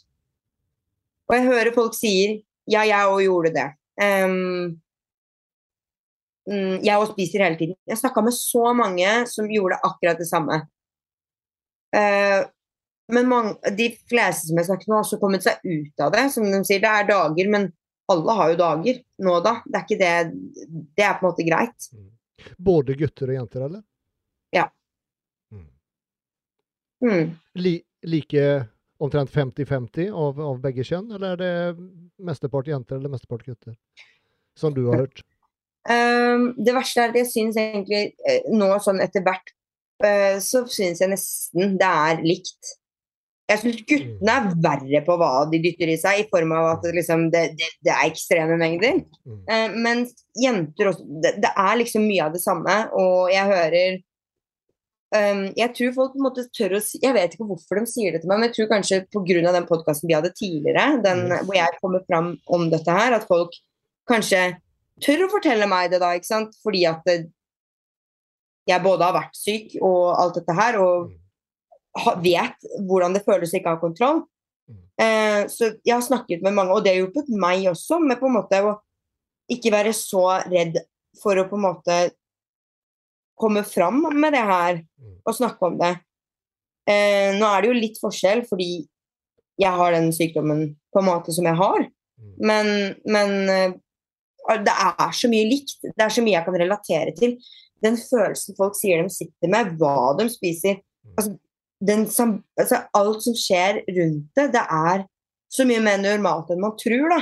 Mm. Og så sitter man og tenker nei, dem gjør ikke det, dem gjør ikke det. Nei, dem sier at de ikke gjør det, men det er så mange som også ikke tør å fortelle om det. Mm. Eh, Yes. fordi de skammer seg. Og ja, det er forståelig at man skammer seg, fordi man føler at man mister en kontroll. Alle, alle på en eller annen måte vil ha en form for kontroll over seg selv. Og når du mister den, så føler man på et nederlag, uavhengig om det er mat, eller du kommer deg ikke på trening, eller det er andre ting da, som gjør at du på en måte føler at du ikke har kontroll. Mm. Det gjør noe med deg, og det gir en følelse av lite mestring. Så går man Noen går i en dårligere sirkel, det, du graver deg mer og mer ned, mens andre tenker nei, fader, nå skal jeg ikke fortsette den veien her, nå må jeg komme meg ut av det. Og klarer å etablere seg en vei ut av det med litt knall og fall på veien. Og det er liksom Det er så stort spekter på akkurat det punktet her, da, at det liksom Ja. Nei, jeg tror jeg på en måte begynner å se selv alle sidene ved det. Mm. Ja, nei, det er Altså, just det liksom Det går aldri å si på forhånd hvor, hvordan akkurat du kommer til å reagere. Mm. Man må liksom bare gjøre det. Eller de som stiller da første gangen, man må, man må gjøre det for å vite hvordan du faktisk kommer til å reagere. Mm. Og det er så viktig å få fram også. Jeg snakket med Marius i stad, fordi vi har vært og trent tidligere i dag. Mm. Eh, og da hadde vi en samtale om akkurat det der liksom Å si ting på forhånd. Um, og liksom Det er veldig bra å ha et um, åpent sinn uh, og på en måte legge en strategi og en plan, for det er viktig å ha en plan etterpå. Uh, men så er det det at hvis ting går litt utenfor den planen, prøv å huske at du nå ikke er på en oppkjøring. Um, det er greit, skjer det på oppkjøring, så må man ta det da. Og det er ikke noe sånn at du trenger å straffe deg av den grunn. Når du ikke er på en oppkjøring også, så er det rom for litt mer frihet. Det er rom for at OK, jeg spiser middag med familien, men jeg spiser resten av dagen så spiser Altså, gjør ting som funker for deg og for ditt beste velvære der og da. Har du et mål, OK, nå skal jeg en offseason bygge til høsten igjen. Gjør det som skal til for at du kommer dit, på din måte. Jeg kan ikke sitte og si at det, du skal gjøre det sånn og sånn. Det må coachen din og du snakke om og finne en balansegang. Så syns jeg det er veldig viktig at det kommer fram. Hvis du havner i disse banene, fortell om det. Fortell at du sliter. Mm. Fortell at du Nei, det har ikke gått så bra. For det er ikke noe nederlag å slite. Det er ikke noe nederlag å falle utpå. Um, eller miste litt kontroll. Du må bare finne og finne måter å håndtere det og finne ulike strategier for å komme på banen igjen. Og gjøre ting på en bedre måte for deg selv. Mm. Ikke sant. Vi tar eh, en kjapp reklame.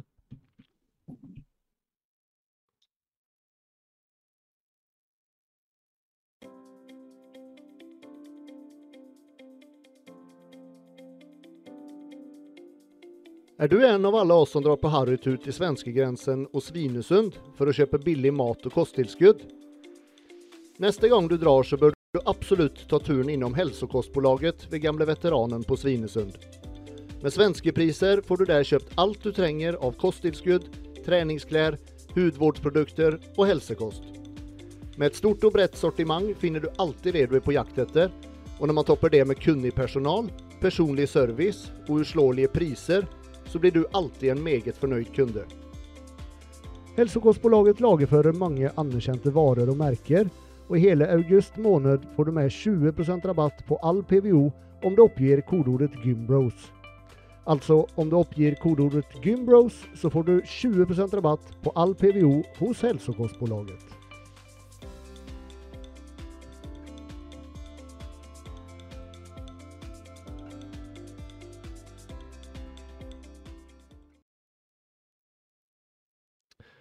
Jeg tenker Nå er vi jo eh, Herregud, hva er vi? To-tre måneder ifra, eh, ifra EM. Mm. Og, og det som kanskje mange tenker da, eh,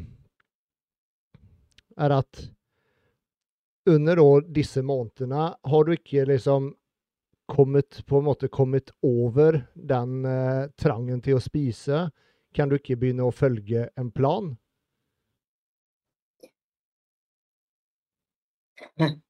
Jo. Um, det som på en måte har vært litt um, Jeg falt av um, Mista det litt når jeg på en måte ikke ha, følte jeg på en måte hadde et mål. da, altså At ikke jeg skulle stille nå til høsten. Og ja, Mm. mista det på en måte litt etter det, men tenkte at det, det var den normalmiste i starten. da, At det liksom OK, det her er mer normalt enn man tenker. Og så, ja. Men så fikk jeg en veldig destruktiv atferd over det, i form av at jeg begynte, satt der og spiste og spiste og kasta opp og liksom holdt på hele tiden. Um, og uh, det gikk utover meg hva jeg vanligvis pleide å gjøre. Uh, alle, jeg kan med hånden på hjertet si at alle som på en måte kjenner meg, vet hvor hard jeg er i forhold til trening. Uh, vet at det, uavhengig av hva, så kommer jeg meg på trening. Det er første pri. Omtrent. Altså, det er på en måte sånn mindsetet mitt er. Mm. Eh, har jeg lungebetennelse, har jeg eh, nyrebekkebetennelse, altså you name it, altså sånne ting jeg har jeg er på trening. Altså, det, det, er på en måte, Jeg har en sånn ekstrem driv på det. Mm. Eh, men etter hvert som jeg nå på en måte mistet meg selv, det er egentlig det jeg kan si jeg gjorde, jeg mista kontroll, jeg mista total kontroll, så gravde jeg meg mer og mer ned i, i rotet. Så langt at selv jeg ikke har kommet meg på trening. Jeg kan for første gang sitte og si at jeg forstår når folk sier at de ikke klarer å komme seg på trening. Jeg har aldri forstått det tidligere. Jeg har aldri forstått at folk liksom Ja, men det er jo bare å reise. Ok, du har en dårlig dag. Ja, men reis, da.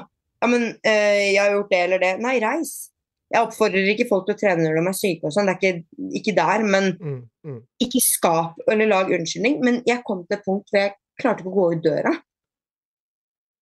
Jeg fikk helt angst. Jeg følte at folk så på meg og tenkte jeg ser sånn og sånn ut. Nei, jeg er Eller Jeg følte at folk forventa at jeg skulle være sånn og sånn, da. Og jeg har også vært sånn Jeg bryr meg ikke hva andre tenker. Men plutselig så hadde alt en så mye større rolle i hodet mitt. Alt hadde så mye mer Ok, folk kommer til å se på meg og tenke å fy fader, hun er ikke i form lenger. Altså, Jeg fikk så prestasjonsangst. Jeg fikk angst for, å, jeg fikk angst for alt. Jeg, jeg kom meg ikke på trening. Jeg kom meg ikke ut. Det minner nesten litt For jeg, jeg har snakka litt om det på Gymbros, tror jeg, når jeg for 12-13 eh, år siden hadde, hadde depresjon. Skikkelig mm. depresjon. Det du sier nå, høres litt ut som, som, som depresjonstanke, rett og slett. Mm. Og det jeg husker da også, for det er jo det er på en måte heller ikke noe du kan se på noen om de er deprimerte, ikke sant? Og da folk som da ikke har snøring på det, liksom sier da til meg at eh, ja, men kan du ikke bare ta deg sammen? Mm. Og det, det, er sikkert noen som, som, tenker det i forhold til deg også, da kan du ikke bare ta deg sammen og bare liksom spise normalt, da? Eller tenke annerledes. Men det er, det er ikke så jævla lett å bare snu om tankegangen. Man, så, så For mitt vedkommende så har jeg på en måte gravd meg mer og mer ned. Og så skjedde eh, Jeg var en det var, har vært litt uforutsette ting også. Jeg var i en bilulykke nå 3.7, hvor jeg havna i en bilulykke. Hvor eh, jeg på en måte ble altså litt sånn sengeliggende etterpå. Vondt i ryggen, nakken, hjernerystelse. Sånn type Altså, ja. Og ikke fikk gjort ting på en vanlig måte. Og på en måte, jeg på en måte I tillegg til at jeg var dårlig, så ble jeg bare enda dårligere fordi at det, det, jeg ikke Jeg hadde ikke rutinene mine lenger. Mm. På en måte, jeg, Frem til da så jobba jeg jo, og på en måte alt var OK, jeg hadde mista kontrollen, men jeg var på jobb, jeg kom meg på trening. Altså, det var ikke så ille. Og så kom ja, den siste måneden har på en måte gradvis vært verre, fordi det Jeg har vært dårlig, da. Mm. Så ja, nei. Det er liksom det, Og jeg er ikke en person som skylder på ting, fordi at jeg står for hva jeg gjør. Men, i, men det er liksom Når du mister kontrollen, så må du finne en måte å ta den igjen.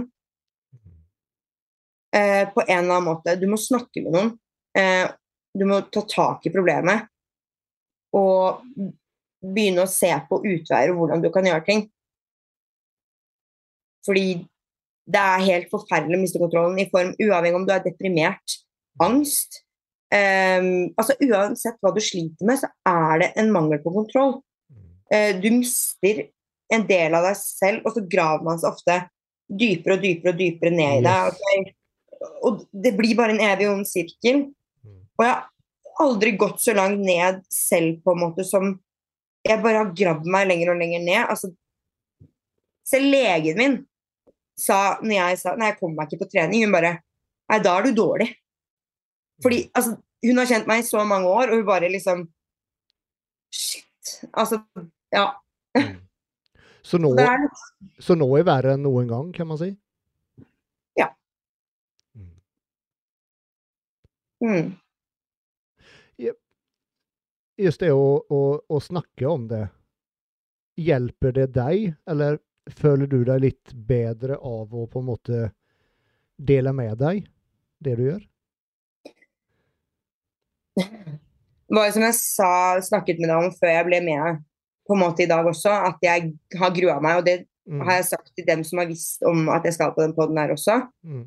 Um, fordi at det én ting var å snakke om hvordan ting var, Mm. eh, og hvordan eh, sykdommen påvirket meg tidligere, og, og altså hvordan jeg har kommet meg ut av det. En annen ting er når jeg nå står i det. Eh, og for meg så blir det å blottlegge meg litt, fordi det er så ekstremt personlig, egentlig. Altså, det er noe jeg i utgangspunktet ikke ville gjort, fordi OK, jeg har sykdommen, men den er i meg, og jeg vil ikke dele det med noen. Både fordi jeg er redd for at det kan utløse noe hos andre, men samtidig så har jeg kommet til et punkt nå at det, nå må jeg, vi må slutte å se på det som tabu. Eh, at, det er et, at det er en tabu over det.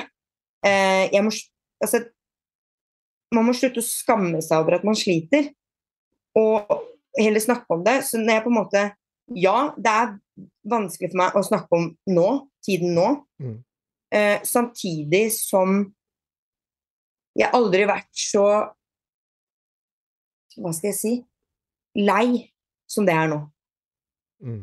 Aldri vært så klar på hva jeg nå har i vente, som det jeg er nå. Mm. Jeg har kommet til et punkt hvor jeg er så lei at det, det er ingen annen vei enn å fighte, fighte dette her. Og komme meg ut av det. Det er enten det, eller at sykdommen til slutt tar livet av meg. Altså Det er Mm. enten eller. Mm. Og så lei er jeg. Jeg er så lei at det, jeg kan kaste opp bare av å tenke på hvor lei jeg er. Mm. Som jeg sa til deg i, i går når vi satt og meldte, det at det, bare det at du blir med og forteller om dette, vet du hva, det, det står så, så respekt av det, altså. For det som du sier, det er, det er så mange som sliter om det, men Og du, du har sikkert hatt mange som har fortalt deg at folk sli, at de sliter, ikke sant? Men de, jeg kan garantere, de sier ikke til noen som ikke sliter. Og det er så mange som, som jeg tror sitter og, og, og kjenner seg igjen det vi har snakket om nå. Veldig mange. Mm. Så, Og det er, det er litt på en måte det jeg håper å rekke ut. Altså at jeg på en måte kan nå ut i form av at både og Som dere sa angående reverse i poden tidligere, at det er ikke uvanlig å få en sånn fråtseperiode, og man har vært i en sult, og liksom at man har, den, har det. Eh, men så er det en mellomting også. Og, men det er viktig å på en måte prate om det, selv om du Ja. ja, du har vært kjempestrukturert og flink, men du er ikke noe mindre flink selv om du har en sånn periode. Um, og så har du mitt tilfelle hvor jeg på en måte har en sykdom latent Mm. som gjør at jeg på en måte har gravd meg enda lenger ned, som gjør at jeg må håndtere ting ut ifra det. Det er ulike måter å håndtere det på. Mm. Og det, jeg vil ikke sitte og si at ok, fordi du holder på sånn, så har du bulimi. Det er ikke det jeg sier. fordi igjen, det har kommet fram at det er mer normalt enn man tror å gjøre sånn her etter diett, eller at man sprekker. eller altså den destruktive måten å gjøre ting på. Da, for det er jo destruktivt. For det er ikke normalt å sitte sånn som vi ofte gjør. Jeg sier vi fordi at det, Vi er mange. Vi er mange. Vi er mange. de aller fleste eh, Jeg tør kanskje å påstå 85 Ja. er i hvert fall Enig. um, i en eller annen form. Og jeg sier ikke at alle og dere er syke, eller at de har det jeg har, eller, eller Men jeg sier at det, du må finne en vei ut av det.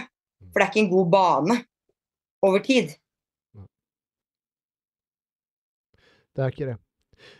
Jeg tenker på, på, på en ting som jeg, som jeg tror vi var inne litt på når vi snakket i våres også. Eh, sånn eh, Generelt sett, da, om, om, om noen har en spiseforstyrrelse og, og går til, da, til legen og Eller søker hjelp om det, da. Mm. Eh, så er jo på en måte ikke hva skal jeg si, Fitnesslivsstilen er vel kanskje Det er vanskelig å si hva som er det optimale, for noe som, som funker for deg, da, kanskje ikke funker for noen annen. ikke sant? Men sånn i hvert fall så som leger og sånt ser på det, så er vel kanskje ikke den fitnesslivsstilen det optimale. Mm. Men nå når du ser tilbake da på når du stilte og, og, og gikk på konkurransedietten, tror du at det har gjort ting verre med din opprinnelige sykdom, på en måte? Tror du at, at om du ikke hadde stilt, tror du at det hadde vært så ille nå, da? Jeg vil faktisk påstå at for mitt vedkommende så har ikke det Det har ikke noe med at jeg har konkurrert, eller det, det har ikke noe med det å gjøre. Jeg vil også på en måte også si at for mange som kanskje har vært syke, så er dette her veien ut. Eh, altså, eh, gjøre noe du oppriktig elsker og har en lidenskap for. Ikke nødvendigvis fitness, men generelt noe du på en måte brenner for. da. Eller altså finne Ja, det kan Men for mitt vedkommende vil jeg si at det ikke har vært en negativ innvirkning. Eh, jeg trodde det i starten, og det var det jeg skyldte på. egentlig helt i starten. Ikke for noen andre, men for familien min og meg. da. Mm. Så liksom Jeg skal aldri stille Altså, jeg var litt der at Nei, det er det, er det her.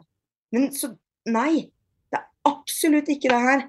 Um, mens for andre igjen så veit jeg det kan være en trigger å ha et så strukturert opplegg. Um, ja, som set, er dårlig. setter i gang noe, rett og slett. Ja. For mm. andre så kan det være utløp... Jeg, si, jeg gir ikke en fasit, jeg bare sier hva som er gjeldende for meg. Og fitnessen er ikke grunnen til at jeg havna her igjen. Uh, uh, ikke i det hele tatt. Veien ut nå, da. Hva, hva, du sa at nå er du så lei så du, du orker ikke mer. Det er enten å komme seg ut av det, eller så er du redd at det kan ta livet ditt, rett og slett? Så hva, ja. hva skjer nå fremover?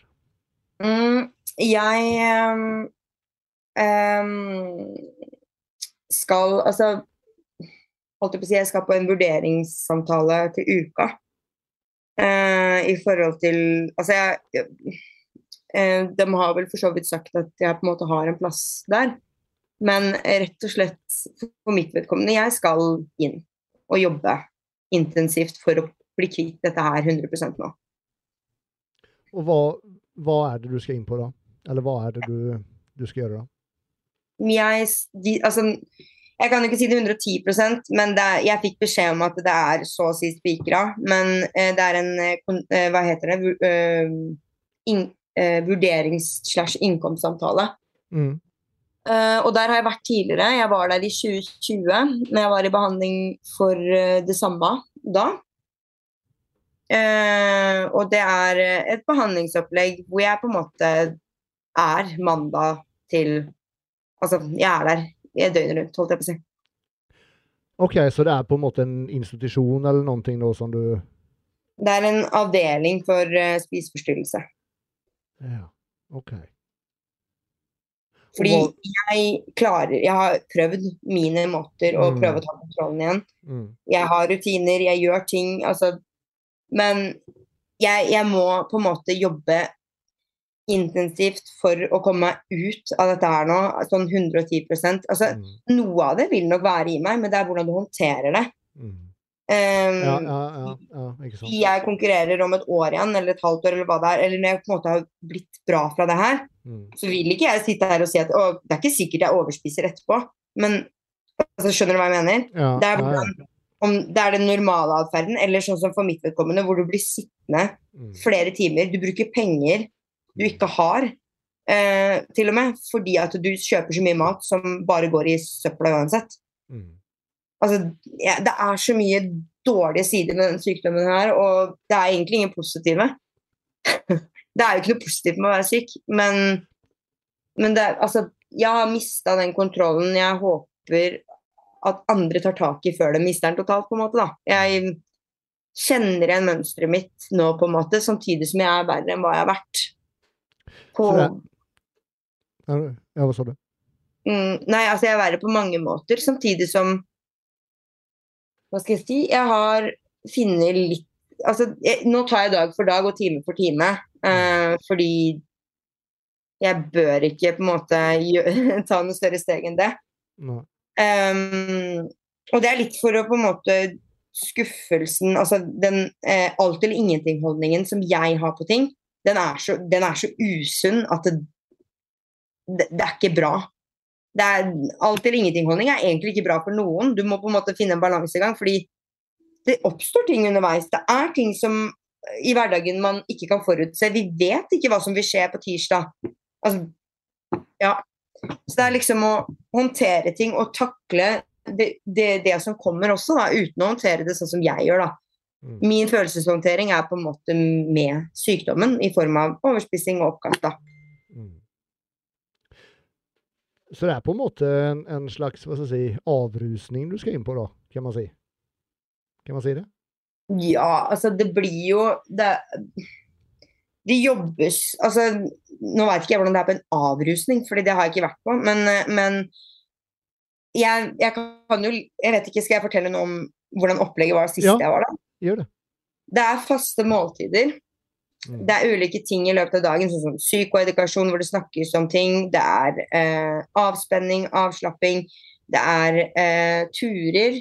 Nå var jeg der under covid, så ting var liksom veldig eh, Det var liksom ting vi ikke kunne gjøre. da. Vi kunne ikke kjøre bil til de ulike stedene. Sånn type ting. Så det var veldig mye sånn i enheten, da. Mm. Um, og sånn opplegget mitt var der. Det var ja, det var frokost, lunsj, middag, kvelds. Altså det er liksom Alt er fastsatt. Men det er de som på en måte bestemmer, og så får du hjelp og veiledning under måltidene. Eh, du blir passa på etterpå. Eh, du skal Så på måte... at du ikke går og kaster opp, da, på en måte? Ja. Ok. eh, Så det er jo en eksponering, fordi at det, her er det typ vanlig det man kan kalle husmannskost. da. Mm. Første gang jeg var lagt ut, så var jeg på en måte innlagt for reernæring og bulimi, selvfølgelig. Altså fordi jeg hadde liksom ulike ting jeg ikke spiste. Jeg spiste omtrent ikke fett, ikke omtrent karbohydrat. Jeg var livredd for det. Mm. Så er jeg på innkomst så sier de ja, du får, eh, eh, du, eh, her er det måltid fire ganger om dagen. Og, og jeg bare ja, det er ikke noe problem, jeg spiser seks. Så kommer jeg til første måltid, og der ligger brødskiva. Og jeg bare Å, hell no, tenkte jeg bare. Å, shit. Det her spiser ikke jeg, ikke sant. Og sitter her og smører og bruker en halvtime på å smøre smør i brødskiva, for jeg vil ikke se det. Altså, det var helt Ja. Men nå veit jeg hva jeg går til. Jeg vet hva jeg kan forvente. Og det er liksom Jeg krysser bare fingrene på en måte for at det har blitt fortalt på en måte gjennom lege og på, eh, psykolog nå, at jeg på en måte får den plassen. For jeg er så klar for å jobbe med det. Men jeg får det ikke til aleine. Jeg trenger en annen struktur. Eh, og jeg trenger noen til å hjelpe meg å stå i det med meg. Og jeg er så klar for å gjøre den jobben her nå og komme meg ut av det. Hun, altså, jeg sier 95% fordi det vil nok være noe over det veldig lenge etterpå Mm. som føles skummelt. Men jeg vet jo hvor gæren ting gikk nå. Mm. Og jeg kan ikke si at det ikke vil skje igjen. Mm. Men jeg kan si at det, jeg skal gjøre alt jeg kan nå for at jeg ikke faller så hardt neste gang, og at ting blir gjort på en annen måte. Mm. Det er det på en måte det viktigste, at man gjør ting på en annen måte. Altså For mitt vedkommende at jeg gjør det på en annen måte som er bedre for meg, da. Som ikke skaper dette som nå har oppstått, at jeg på en måte har veldig destruktiv atferd, kommer meg ikke ut, kommer meg ikke på trening. Eh, man kan godt skylde på andre ting, som at jeg har vært i den bilulykka, har vondt i nakken, har vondt i ryggen, alt dette her, men nei. Det, det er Jeg har gravd meg selv i en dypere Ja. Mm. En ting som slår meg nå, da Du sier da det er liksom vanlig husmannskost tre-fire ganger om dagen.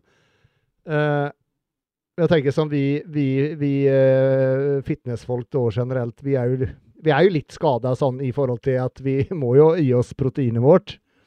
Mm.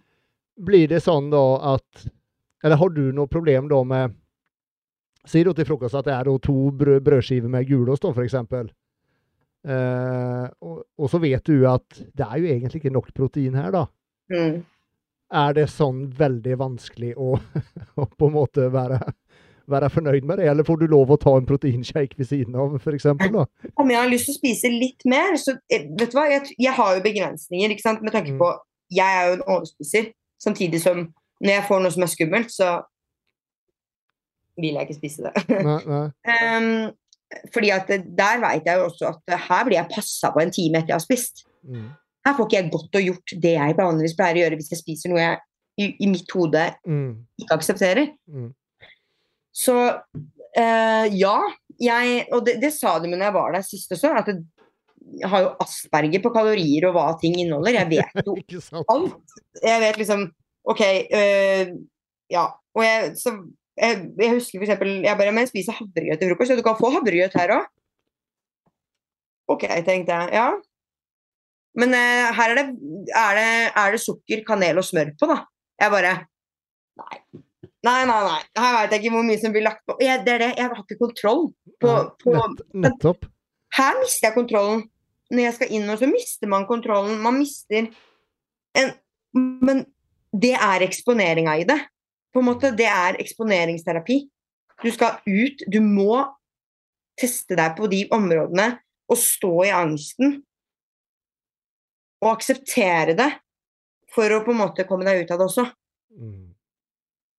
Det Altså, jeg sier det som om det er is, piece of cake, men tro meg, jeg kan si at det er det ikke. Jeg vet hva, det, det skjønner jeg. Jeg hadde hatt problemer med det, altså. Det er liksom, Hvis du sier sånn som å, 'spis heller tre brødskiver', da. Altså, jeg får angst bare jeg tenker på brødskiver nå. Altså, Ikke sant? men igjen, det, det er ikke sånn jeg vil at folk skal tenke om mat, fordi jeg vil at folk skal kunne nyte mat. og Det er ingen mat som er feil. Det er ikke noe ja- og nei-mat. Mm. Men du har, ja, du har en konkurransediett. Du har en reverse diet. Mm. Men det er ikke noe som heter ja- og nei-mat. Det er ikke noe som heter eh, Det er alt med måte. Men igjen, jeg sier det. Er du på en oppkjøring, så er det en oppkjøring. Det er en helt annen liga. Det er, en helt annen, Mm. det er et helt annet tema. Det er ikke et tema som burde tas inn, egentlig. Fordi det er ekstremt. Mm. Mens det er ikke noe ja- og nei-mat. Jeg vil bare liksom prosessere det. Det er ikke noe feil at de sitter der og spiser brødskiver. Fordi Det er bare å bli komfortabel med å faktisk spise det, på en måte. Altså, der, der inne da, så er det en klinisk ernæringsfysiolog. Hver og enkel pasient får sin plan. Ehm, jeg eksempel vet at ofte så har jeg mer mat, eh, og det hadde jeg sist gang, mer mat enn de andre, fordi jeg hadde mye muskler, og jeg trenger da mer, mer mat. Mm.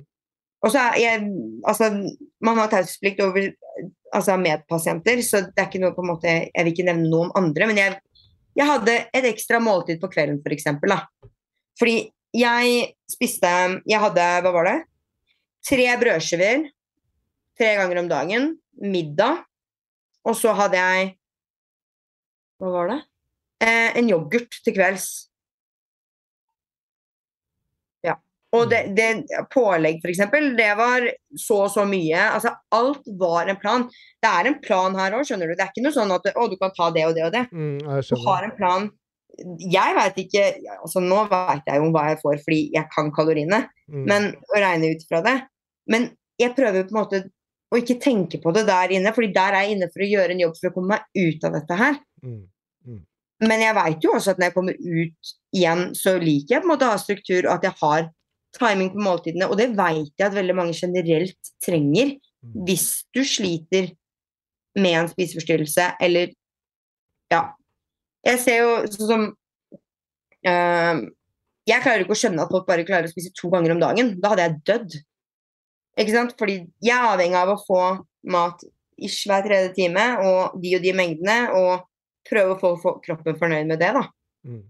Så der inne også får jeg jo den maten som er lagt opp for meg. Um, og så er det det å akseptere det og normalisere mat, for jeg har ikke et normalt syn på mat. Absolutt ikke. Nei, ikke sant.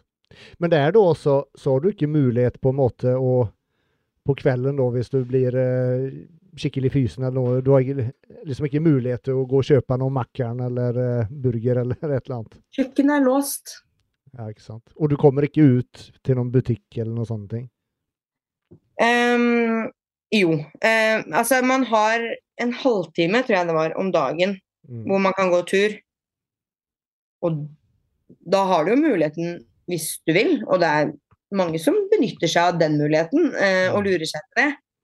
Ehm, men igjen, du veit at du skal inn igjen da? Du skal inn igjen etterpå, og hva rekker du på en halvtime? Ok, du kan rekke mye. Fort ned på butikken, fort opp igjen. Altså, eller Mm. sitte og spise ute, altså you name it. Um, for mitt vedkommende så har jeg, får jeg garantert en begrensning i forhold til trening også. Så det er liksom alt ettersom. Jeg regner med at vi, eventuelt de første ukene så har jeg utgang med personal. For de kjenner meg fra før. For de vet at det, sist gang jeg var der, når jeg hadde en halvtime, så løp jeg en halv mil. Jeg. Ha det. det kom inn, og de andre pasientene liksom gikk og sjekka for meg at ingen var i banen, sånn at jeg kunne bare løpe rett inn på rommet, dusje og komme ut til middagen, eller eh, komme ut til kveldsmaten. Mm.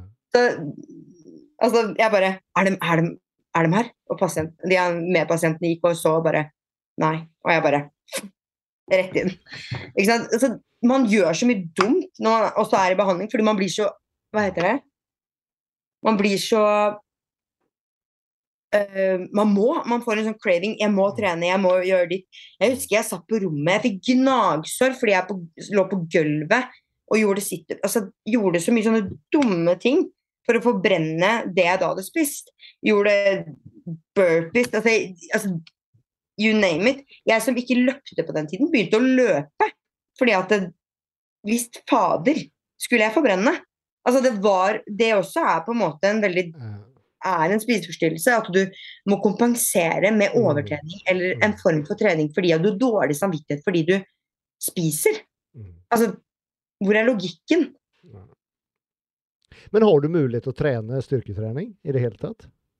Jeg er litt usikker. Jeg husker at jeg hadde muligheten to, to halvtimer i uka. Ok. Men jeg vil også presisere at eh, når jeg gjorde det, og, og på en måte trente litt når jeg var hjemme i helgene Jeg hadde ikke noe dårlig progresjon, altså. Nei, ikke sant. Faktisk. Og det høres helt sånn ekstremt ut, eh, fordi det var snakk om ish tre måneder. To-tre måneder. Mm. Hvor jeg på en måte spiste en helt annen form for mat. Eh, og trente totalt annerledes enn hva jeg gjorde tidligere. Mm. Og jeg hadde ikke noe dårlig progresjon. Nei, ikke sant. Kroppen fikk lov å hvile litt, tenker jeg. Mm. Rakk å restituere seg. Men jeg hata det. Altså, Ja, du følte deg ikke bra på det. nei, jeg gjorde ikke det. Men samtidig så kom jeg meg ut av det. Jeg blei veldig mye bedre. Mm. Jeg var ikke 100 frisk, men jeg var så mye bedre enn hva jeg var før jeg kom inn der. Mm. Eh, så det er på en måte det som drar i meg nå, at jeg veit hvor jeg kom sist. Jeg veit hva jeg ofra sist. Jeg er villig til å ofre mer enn nå. Jeg er villig til å gå mer inn i det. Ja, det vil bli beinhardt. Kommer til å grine hver dag, for det, ja, det er skikkelig skikkelig angstprega.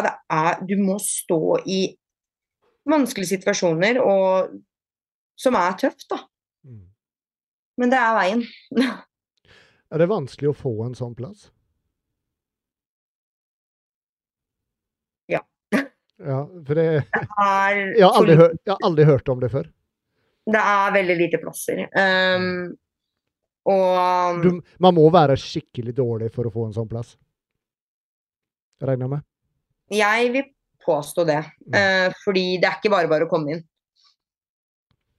Eh, og verken for eh, dagbehandling og Altså, du kommer stort sett inn med altså, At du begynner som psykolog hvis du sliter, og så på en måte altså, Ja, veien er vanskelig, men Og det er jeg- i mitt, for, Slik jeg ser det, så bør du ikke være så dårlig for å skulle få en plass, men det er dessverre sånn som Helse-Norge er. Mm.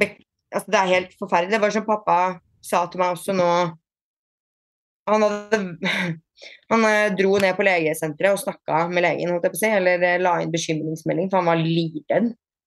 Um, hvor han sa 'Jeg veit hvordan Helse-Norge funker'. Man må mase. Mm. Ja. Uh, og ja. Så det er liksom det, det er en del som skal til, men, men allikevel så Hjelpen er der, og man må ikke gi opp selv om prosessen kanskje er litt lenger. Mm. Jeg skal ikke si at jeg vet ikke helt hvordan jeg håndterer det om jeg ikke får den plassen. Fordi jeg er så klar for å jobbe med det, men jeg har jo på en måte psykologer og leger i ryggen som sier at du skal få den hjelpa. Mm. Du er i den kategorien. Du må få den hjelpa. Du har prøvd de utveiene, du har prøvd rutinene, du har prøvd alt du kan. Men du har ikke Du har mista den kontrollen. Og det sier jeg jo selv òg. Det er først denne uka her jeg kommer meg ut så mye som jeg på en måte har gjort, og, og ja. Det er Ja, jeg vet ikke. Det er Trener du noe som helst nå, eller? Det gjør jeg. Mm. Nå har jeg trent Denne uka her så jeg har jeg fått ut tre økter. Nei, det var løgn. Jeg har fått til tre dager med trening. Men Mm. fem økter. OK. Jeg har trent to ganger i går og to ganger forrige dagen der, eh, dagen før der igjen. Mm. Mm. Og i dag har jeg trent Mm. en runde, så trolig komme prøve å komme meg av gårde. Altså det, jeg må på en måte bryte et litt mønster. Mm. Mm. Jeg har ikke turt å møte folk, ikke gå ut, ingenting. Og nå Altså um, Jeg fikk en melding, jeg tror det var forrige uke, eller om det var tidligere denne uka her. Nå, Det står litt stille, hodet mitt er litt sånn Det også er ikke noe å legge under en kam at når man er dårlig, så Du vet hvordan diettjernet funker? At du, du er glemsk og sånn? Sånn er det. Det er sånn konstant. Sånn gullfiskhjerne. Ja. Men um, ehm, fikk jeg på en måte Jeg fikk Altså, Marius sendte meg en melding. Sånn at det, nå hva, hva skjer? Eh, jeg ser deg ikke på trening. Jeg, eh, du er ikke på noen medier. Du svarer ikke Altså, du er ikke tilgjengelig. Hva skjer? Det her er bekymringsverdig. Så har jeg jo møtt Marius på trening et par ganger, eller snakket med Marius litt sånn generelt, og liksom Ja, liksom snakka, for vi er, trener på samme gym og sånne ting. Så han visste på en måte at jeg, at jeg hadde sleit litt, da. Mm. Og så sa jeg Nå er jeg så lei, jeg er så lei av å si at ting går bra når ting ikke går bra. Jeg er så lei av å på en måte si at det, Altså lyve, egentlig, og på en måte si ting som det ikke, som det ikke er. Eh, så sa jeg nei, det går sånn og sånn. Jeg kommer meg ikke ut, bla, bla, bla. Altså, jeg kommer meg ikke på trening. Altså, jeg har gravd meg selv ned. Og det på en måte gjorde at eh, Altså, OK, da blir du med oss på trening. Det gjør du som oss. Da legger vi det opp sånn. Da Kom, kom igjen, bli med. Bli med. Det er ikke noe godt at du sitter der. Altså, og jeg sa det jo selv, jeg trenger drahjelp. Mm. Fordi dette her vil jeg ikke. Jeg vil ikke ha det sånn. Jeg vil ikke gjøre det her mot meg selv. Og så har vi på en måte hatt en dialog og på en måte prata litt, og han har, han har vært veldig, veldig Det har vært veldig, veldig bra, fordi han har klart å dra meg ut når jeg ikke har klart det selv, da. Og um, sånn som i morgen Jeg hadde aldri, jeg kan si det med hånden på hjertet, aldri turt og sagt på en måte at jeg skulle være med på, på den derre på Mekka i morgen. Mm. Ikke. Jeg hadde ikke villeste Nei, jeg skal ikke dit, fordi der er det mange som har sett meg før. Og for, altså, det, var, det er så mye angst over det. Men så har Marius på en eller annen måte gått inn i hjernen min, snudd på det, og så bare Du blir med. Du gjør det. Kom igjen. Og da tenkte jeg ja, OK. Da gjør jeg det.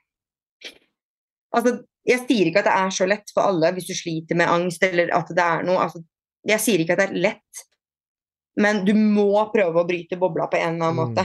Mm. Yes. Og jeg er en sånn person som på en måte har hatt, som jeg sa, en alt og ingenting-holdning. Men når på en måte Jeg har hatt veldig mange på den veien her nå etter EM også, på en måte, altså, som har backa meg, støtta meg, gjort alt de kan eh, for meg. Og prøvd å hjelpe meg, prøvd å endre synspunktene mine. prøvd å Men når du er så låst og, og inn i det, så er det så vanskelig, da. Mm. Og da har jeg på en måte prøvd å ta steg for steg. At liksom time for time, dag for dag. eh, hva jeg orker, hva jeg ikke orker. Altså, men så er det hva orker man, og hva er sykdommen som prater, og hva er Du må på en måte se det litt, da.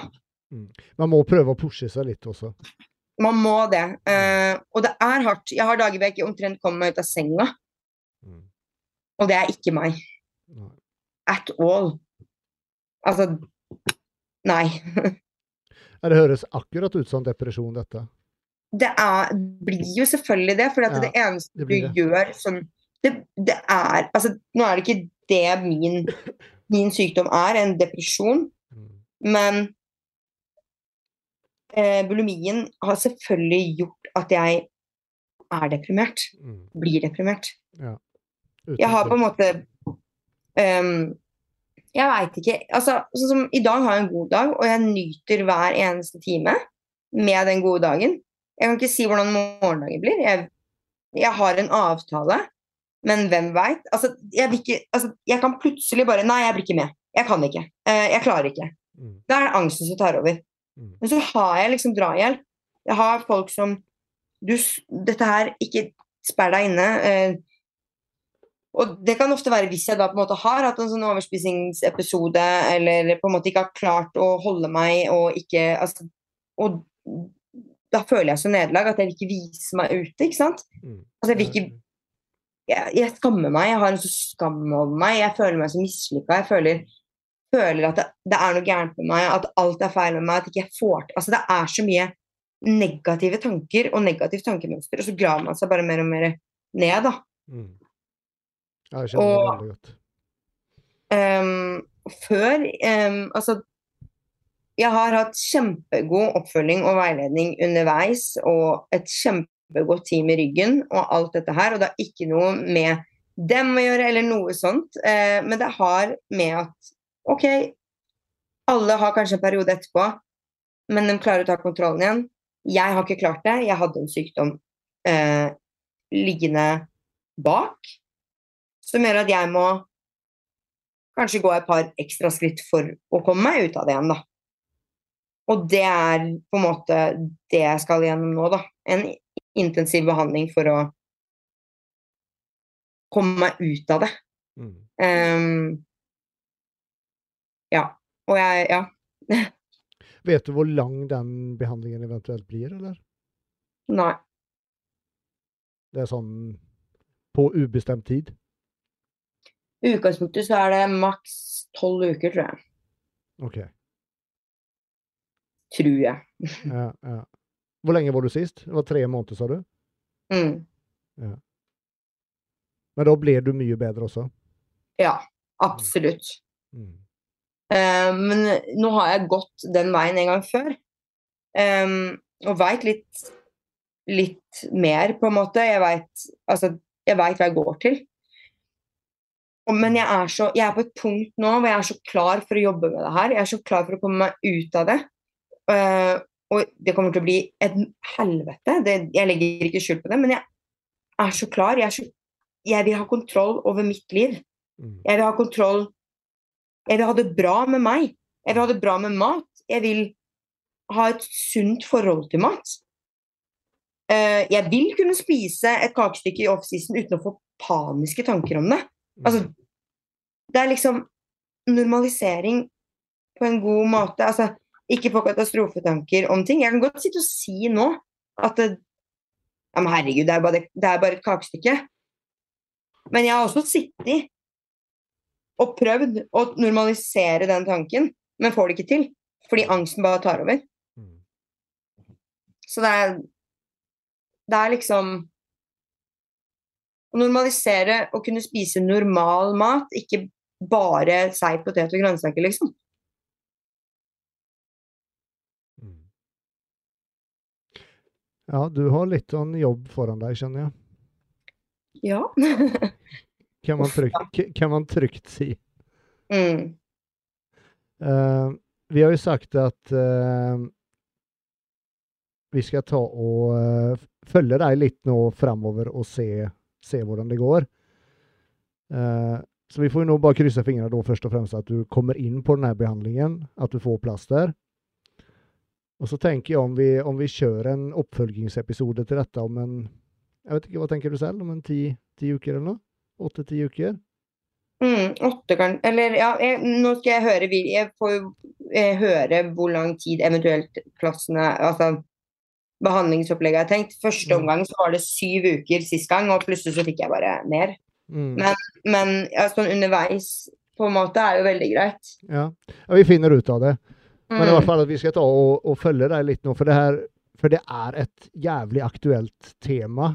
Det er Mm. så mange som sliter. Du, du har jo selv fått tilbakemelding om det nå at Greit nok at du, du har denne sykdommen i, i grunn og bunn, på en måte, men det er veldig mange som går på den, akkurat den samme smellen etter konkurranse, og faktisk kanskje utvikler en form for, for spiseforstyrrelse etter konkurranse, Mm. ikke sant? Så det er, det er et utrolig aktuelt tema.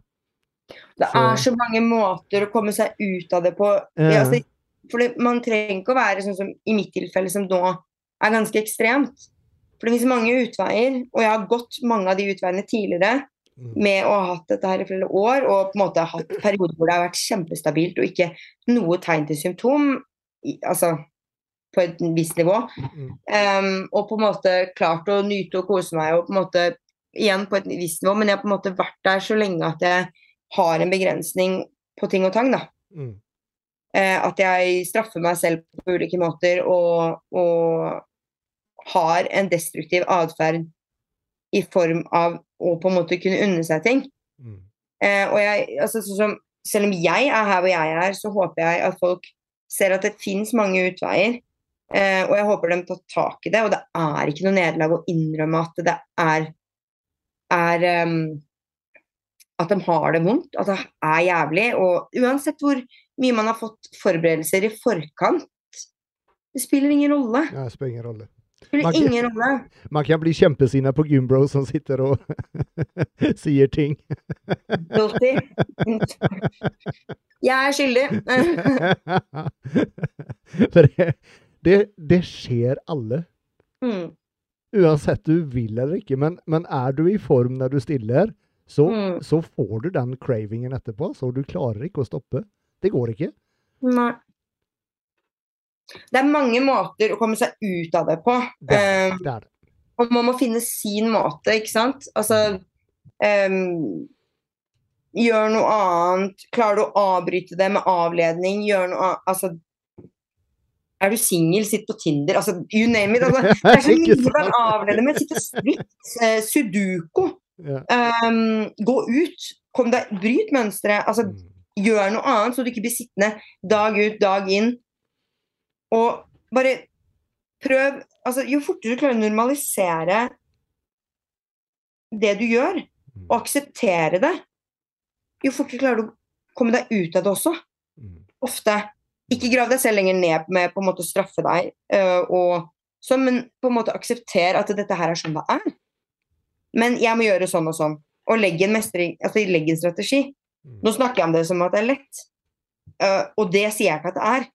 Fordi det er tiltak å gjøre det. Mm. Altså jeg som har preppa maten min i sikkert fem år nå, klarer ikke å preppe mat. Altså, jeg har gjort det hele veien, uavhengig om jeg skal stille eller ikke. Mm. Men rutinene har sluppet. Alt har sluppet. Nå er jeg preppa igjen, ikke sant. Så det, det er liksom Man må bare ta tak i det. Altså, man må finne måter å gjøre ting på. Altså, og om jeg kan være til hjelp, eh, så vil jeg gjerne være det. Og det er også derfor jeg på en måte tør å komme fram. fordi det, for meg så er dette kjempeskummelt å dele det her. Mm. Fordi det er ikke noe jeg sto i for et år siden. Eller Det er noe jeg står i akkurat nå. Mm. Eh, så det er veldig nakent. Det er veldig Jeg føler meg blottlagt. Men jeg har snakka med så mange som sier at det er så viktig å få det fram. Det er så viktig. Det er Altså, jeg har fått melding altså, Jeg blir helt rørt fordi at jeg har fått så mye meldinger om hvor folk som på en måte Som ikke kjenner meg engang, som bare sier at det, det er et så viktig tema. Mm. Og det på en måte gjør meg jo mer innstilt på at det, ja, det er det. Og det må fram. Og det er så mange som sliter på ulike fronter, uavhengig om det er spiseforstyrrelse, depresjon, angst, altså you name. Det kan være så mye. Mm. Men det, det er liksom Jeg vil bare legge fram at det er ikke noe feil i å slite. Du er ikke noe svakere menneske fordi du sliter, eller kanskje trenger litt mer hjelp enn andre. Men det er når du innser at det kanskje er et problem, eller det er når du håndterer det og tar tak i det. Som gjør forskjellen. Du må på en måte gjøre forskjellen for å utvikle deg, komme deg ut av det og ikke grave deg lenger ned. Det er liksom Ja. Mm. Og det er også litt derfor jeg på en måte hadde det som kriterium for å på en måte stille opp i dag. Jeg sa jo det til deg. Mm. Om jeg gjør dette her, så vil jeg gjerne at du følger meg underveis. Mm. Og som jeg også til deg, at det er kjempeinteressant, og som vi snakket om, for dette er da som sagt igjen et veldig viktig tema, og, og, og noe som Det kan liksom ikke bli snakka om nok. Mm. For liksom, vi ser jo hvor mange debutanter det er hvert år som stiller. Det er så mange, og det er så jævla mange som går på den smellen. Om og om, om igjen. Og man kan være så forberedt med å ha en plan, og jeg har reverse diet klar, og alt sammen er klart. Men lik forbanna, det er som å slå, få et slag i trynet, altså. Og sånn som jeg kan si, altså Nå er ikke jeg noe unntak, men sånn som for meg, da, som visste hvor viktig. Det var Yes. å holde en strikt plan, fordi jeg visste at jeg hadde har hatt en sykdom tidligere som Ja, ja. var der. Mm. Selv jeg som visste, hadde så mye argumenter på hvorfor jeg skulle klare det. Mm. Jeg dreit meg ut loddrett. Mm. Altså, det er stygt å si det på den måten, men jeg gjorde det. Jeg, jeg, jeg klarte det ikke. Um, og ja, jeg, det er jo en, for meg en skam over det, fordi jeg var på en måte veldig forberedt. Mm. Men jeg var ikke forberedt på en måte allikevel. Altså, man vet aldri før man står der. Nei. Uansett hvor ø, sterkt du tenker mindsettet ditt er. Det har ikke noe med å være sterk, det har bare noe med at du mister en kontroll. Og det, Ja. det har ikke noe med at du er noe dårligere person eller fungerer noe dårligere psykisk. Nei. Det er bare du, OK, det skjedde. Man visste ikke hvordan ting var, og hvordan ting ville bli. Og så må man ta det derifra. Det er greit. Jeg sier absolutt ha en plan, men vær åpen for at planen kan en, bli annerledes. Ja, den, den kommer mest sannsynlig til å bli se litt annerledes ut enn hva du mm. så for deg, kanskje. Ja, absolutt. Mm. Uh, vet du hva, vi har sittet og snakket i over to timer nå, men jeg har lyst til å spørre en ting til. For når vi satt og meldte litt i går, Mm. uh, så mener jeg du skrev noe om å kanskje stille igjen. Eh, for at det var jo på en måte under konkurransedietten som du faktisk ble bra, da. Eller som eh, på en måte hjalp deg veldig videre. Mm. Eh, er det noe som, som kan være si, en del av behandlingen, da? Altså Du kan sikkert snakke med hvem du vil av terapeuter, psykologer og sånn som er spesialiserte innen spiseforstyrrelse, og den ville bare rygga med tanken på det her. Og det kan jeg bare si med en gang. Det er ingen som er noe positivt til det. Um, og um, målet mitt er først og fremst å bli frisk Mm. og komme meg ut av det her. Og få et normalisert Og nå snakker jeg om et normalisert forhold til mat. Uh, ikke bare liksom å, diett, diett. Altså en eller annen form for diett. Men normalisert. At jeg på en måte kan spise vanlig mat uten å føle Når jeg sier vanlig mat, det blir så feil å si det òg. Eh, Men- spise Jeg må bare spørre deg, just det når du sier normalisert mat. Tenker du da normalisert mat for deg? For så som du sa i stad, at du, du, du spiste jo da eh, sei og poteter og grønnsaker før du begynte på diett. Ja. Altså, Så det, det, det er jo normalt for deg. Men igjen, jeg må også kunne på en måte unne meg et restaurantbesøk uten å ha dårlig samvittighet. Skjønner du hva jeg mener? Ja, altså, ja, jeg må normalisere normalisere min normalitet. ja, ja. Og min normalitet er fortsatt kanskje litt mer ekstrem enn andre sin, men det er min normalitet. Ja. Hva, det er ikke noe fasitsvar. Eh, mamma spiser knekkebrød til frokost, eh, brød til mm, lunsj, middag, en eller annen middag og en eller annen kveldsmat. Mm. Det er mamma sin fasit. Ja. Eh, og det er hennes mat. Mens min mat Altså, det er ikke noe fasit, men jeg må normalisere min hverdag og min mat. Altså, om jeg på en måte blir bedt på at Hvis jeg blir bedt på uh, en middag, at ikke jeg får helt panikk og bare Nei, jeg kan ikke, og unnviker alt. Mm. Um, eller kompenserer med å ikke spise. Altså, det er Ja. Så jeg må normalisere min mat. Men målet mitt For jeg um, Hva skal jeg si em, Jeg snakka med en i går eh, som ikke hadde sett den podkasten vår eh, fra eh, Sandefjord. Mm. Eller den eh, ja, vi, intervjuet vi hadde der. Mm. som så det intervjuet i går. Og bare Shit. Man så gløden i deg. Man så gleden. Og det, altså, yes. forklarte det. Du har et helt annet trekk over deg nå. Eh, du, det er en helt annen Malene enn hva, hva jeg ser der. Fordi den jenta, den dama, viste en enorm stor lidenskap for dette her. Mm. Hun elska det hun gjorde. Og jeg gjør det. Jeg elsker dette her, egentlig. Altså, det er Jeg liker det. Ja, jeg er trøtt, sliten og grinete på diett, men hvem er ikke det? Altså, ok, Det er noen som surfer inn og har det bra hele veien. Jeg skal ikke si noe, men jeg er ikke en av de. Fordi jeg er sulten, jeg er glad i mat. Altså, ja, Ja, ja, obviously. Um, så Men det er liksom Ja, men allikevel så likte jeg det. Og jeg hadde god struktur. Ja, jeg var sliten og alt dette her, men jeg hadde en god struktur. Jeg trivdes med hverdagen. Um, og jeg hadde liksom rutine på rutine på rutine. Ja, jeg var kanskje litt for um, enveiskjørt, eh, litt for A4. Men hvis det fungerer for meg, så er det det som fungerer for meg. Um, altså, ja.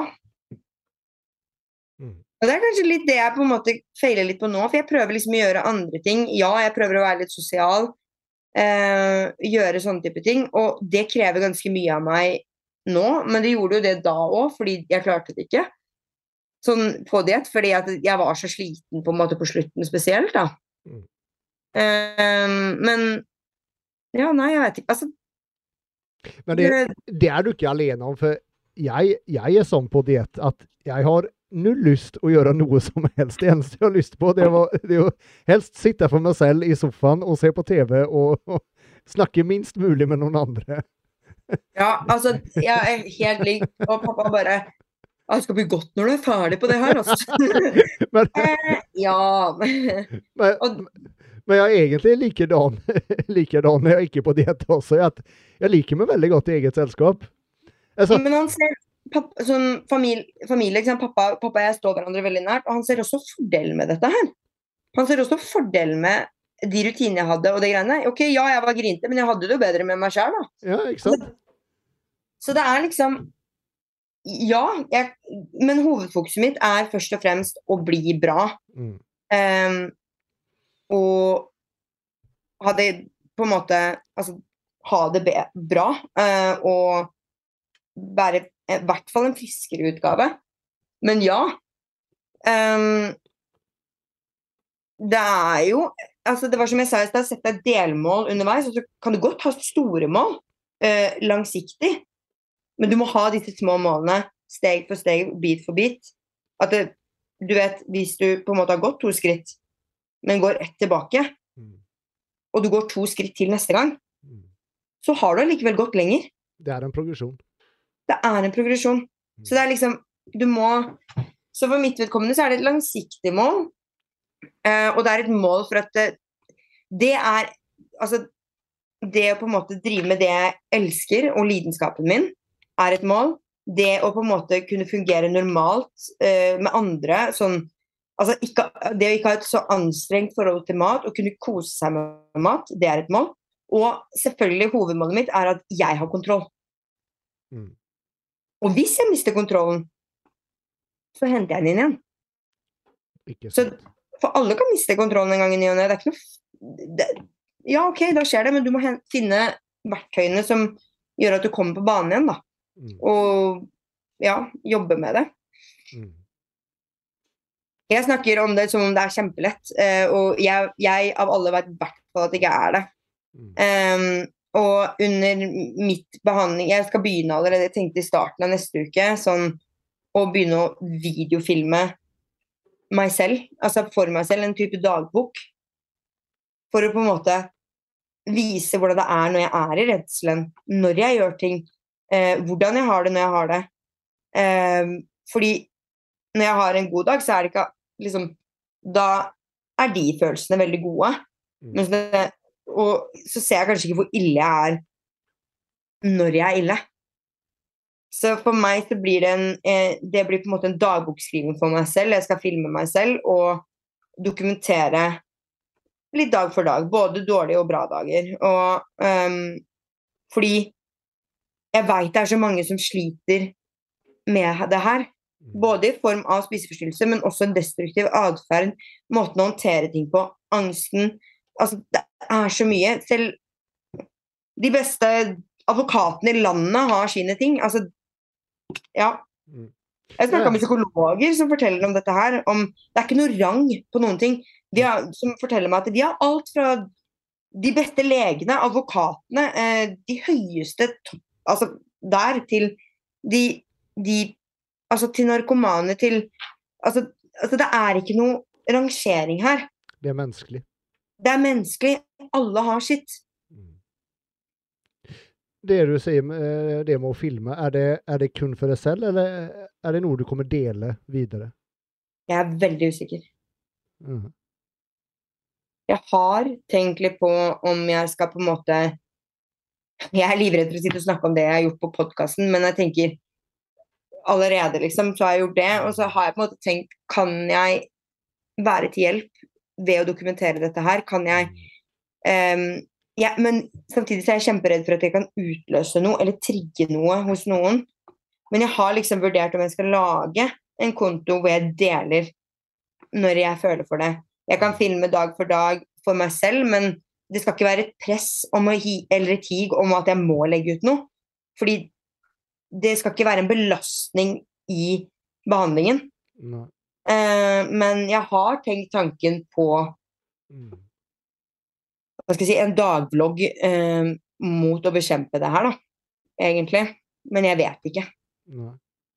Men det, det tror jeg absolutt kan være til hjelp eh, for veldig mange. For jeg tror, jeg tror denne podkasten kommer, kommer være til veldig stor hjelp. Og jeg tror det er mange som setter utrolig pris på så åpen som du er, og, og det å fortelle om det. For det, det er et jævlig sårt tema, og det, jeg, jeg har så stor forståelse at det er tøft å snakke om det her. For du, som du sier i stad, du, du blottlegger deg helt. Ikke sant? Du, For meg, altså dette her er nesten mer altså, mer naken enn å på en måte gå naken rundt. Altså det er Ja, det er det. det, er det. Du, du deler jo dine innerste, innerste ting som du skammer deg over, på en måte. Jeg vil møte Jeg vet at jeg vil møte begge deler på det her. Mm. Garantert. Jeg vil møte folk som trekker seg unna Mm. eh, og tenker OK, dette mennesket her vil ikke jeg ha noe med å gjøre. Eller altså Mm. For det er så mange måter å respondere på sånn på, og jeg forstår det. Fordi man tenker liksom OK, hvordan kan man bygge en relasjon, eller hvordan skal jeg bygge videre på den relasjonen? Altså, det er ulike ting, men samtidig så er jeg der at her, Ja, som jeg sa, det er jævlig tøft, eh, og jeg syns det er kjempevanskelig, men så har jeg på en måte bare allerede ved å dele innlegg om at det som på en måte du har delt i form av å reklamere for det her, Mm. så jeg har fått så mye tilbakemeldinger som jeg setter så utrolig stor pris på. Um, Jeg vet ikke hvor mange hjerter jeg har fått svar på den storyen. Altså. Det, det jeg skrev de ordene som du skrev i din story, ikke sant?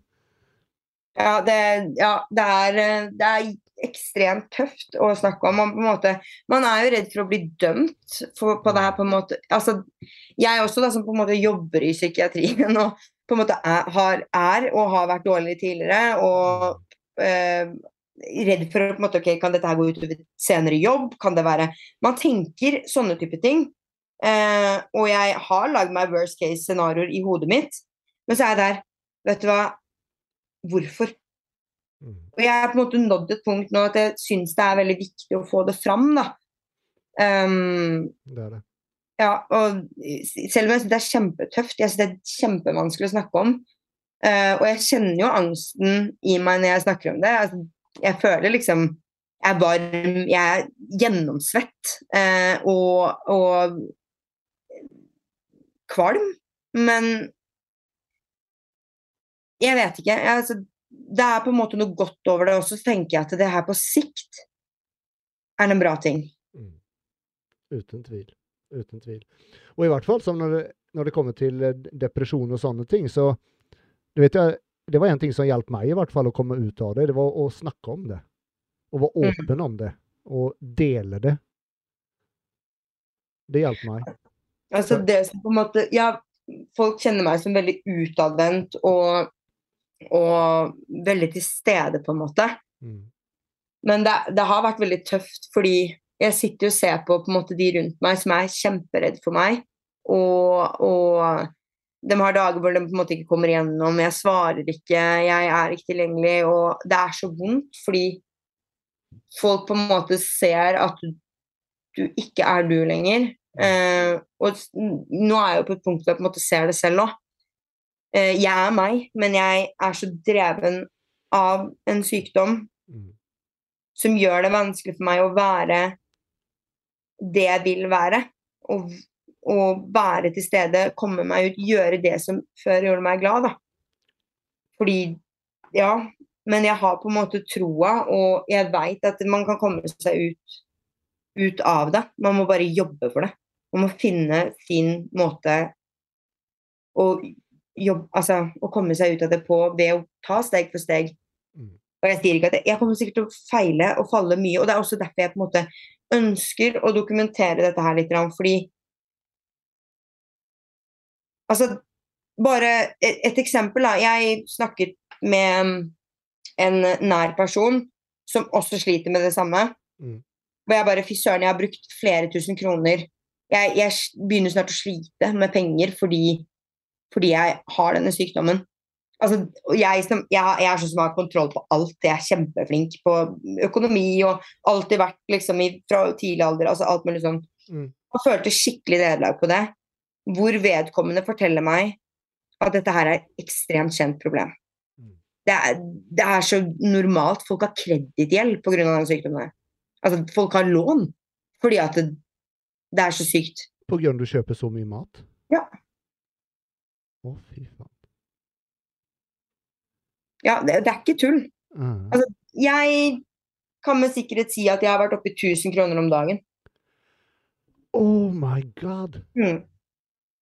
Og jeg følte liksom Herregud, jeg, jeg mislykker jeg så, altså, Det er så mye feil med meg nå. Jeg, mm. jeg tenkte Og så får jeg sendt, tilsendt forum om hvor normalt det er. Jeg visste, og dette er bare noen uker siden. Mm. Altså, jeg har vært syk lenge, jeg har bare ikke tatt det opp, liksom. Altså sånn mm. søkt opp eller funnet ut av det. Mm. Og da på en måte, ok, greit, det er ikke så uvanlig, ikke sant. Man begynner å tenke at greit, jeg har en uvanlig atferd fra før. Altså sånn med det jeg gjør, og sykdommen. Men ble bare enda mer, ikke sant. Fordi at man tenker at man gjør noe ikke sant? Altså, det er det her med å bevisstgjøre ting, og det er derfor jeg også på en måte ønsker å snakke om det og fortelle om det, uansett hvor jævlig vondt det er for meg. Mm. Så ja, jeg håper på en måte at folk, uavhengig om de har en diagnose eller ikke, måte, eller bare ha, altså, eller har en destruktiv form for tenking i forhold til mat eller kropp eller sinn, eller hvordan de gjør ting, at de på en måte forstår hva som er normalitet og ikke, og at jeg kan på en måte være et redskap for kanskje andre, da, en, en hjelpeperson for at folk skal eh, finne andre mestringsstrategier som gjør at de får det bedre med seg selv. Mm. For det er i hvert fall mitt mål med min jobb og den jobben jeg skal gjøre mm. for meg. Så kanskje jeg kan bistå andre, kanskje jeg kan være til hjelp, kanskje Kanskje ja, Jeg vet ikke. Men det tror jeg uten tvil du kommer til å være, altså. Bare det at du er så åpen som du er. Du forteller det liksom rett fra hjertet, helt hvordan du har det. Det, det tror jeg hjelper mange. Veldig mange. Eh, vi har søren meg vært på nesten to og en halv time. Shit. det tror jeg faktisk er ny Ja, det er ny rekord når det kommer til eh, sånn one-on-one-podkast.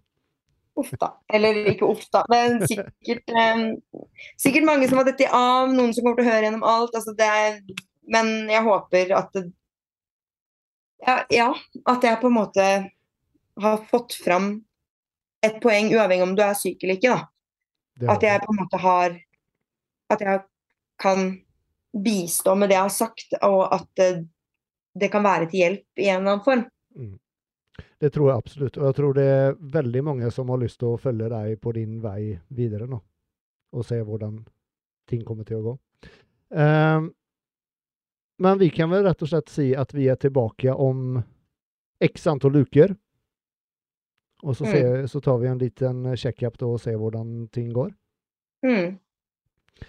Uh, Malene, tusen hjertelig takk for at du har lyst til å bli med og dele din, eh, dine innerste vonde greier.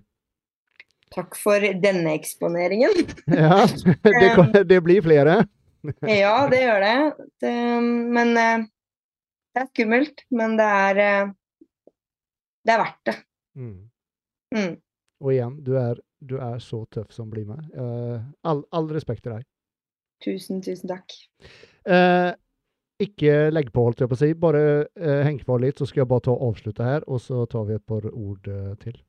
Ja. Eh, vi er i hvert fall tilbake neste uke med uh, Gymbros. Starter opp igjen neste fredag. Eh, til den gang, ha det godt.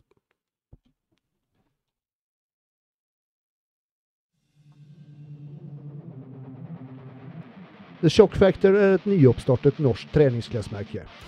De har i tillegg til sin Oversize Collection nå en flankens ny Performance Collection ute på markedet, og som du kan bestille på shockfactor.com.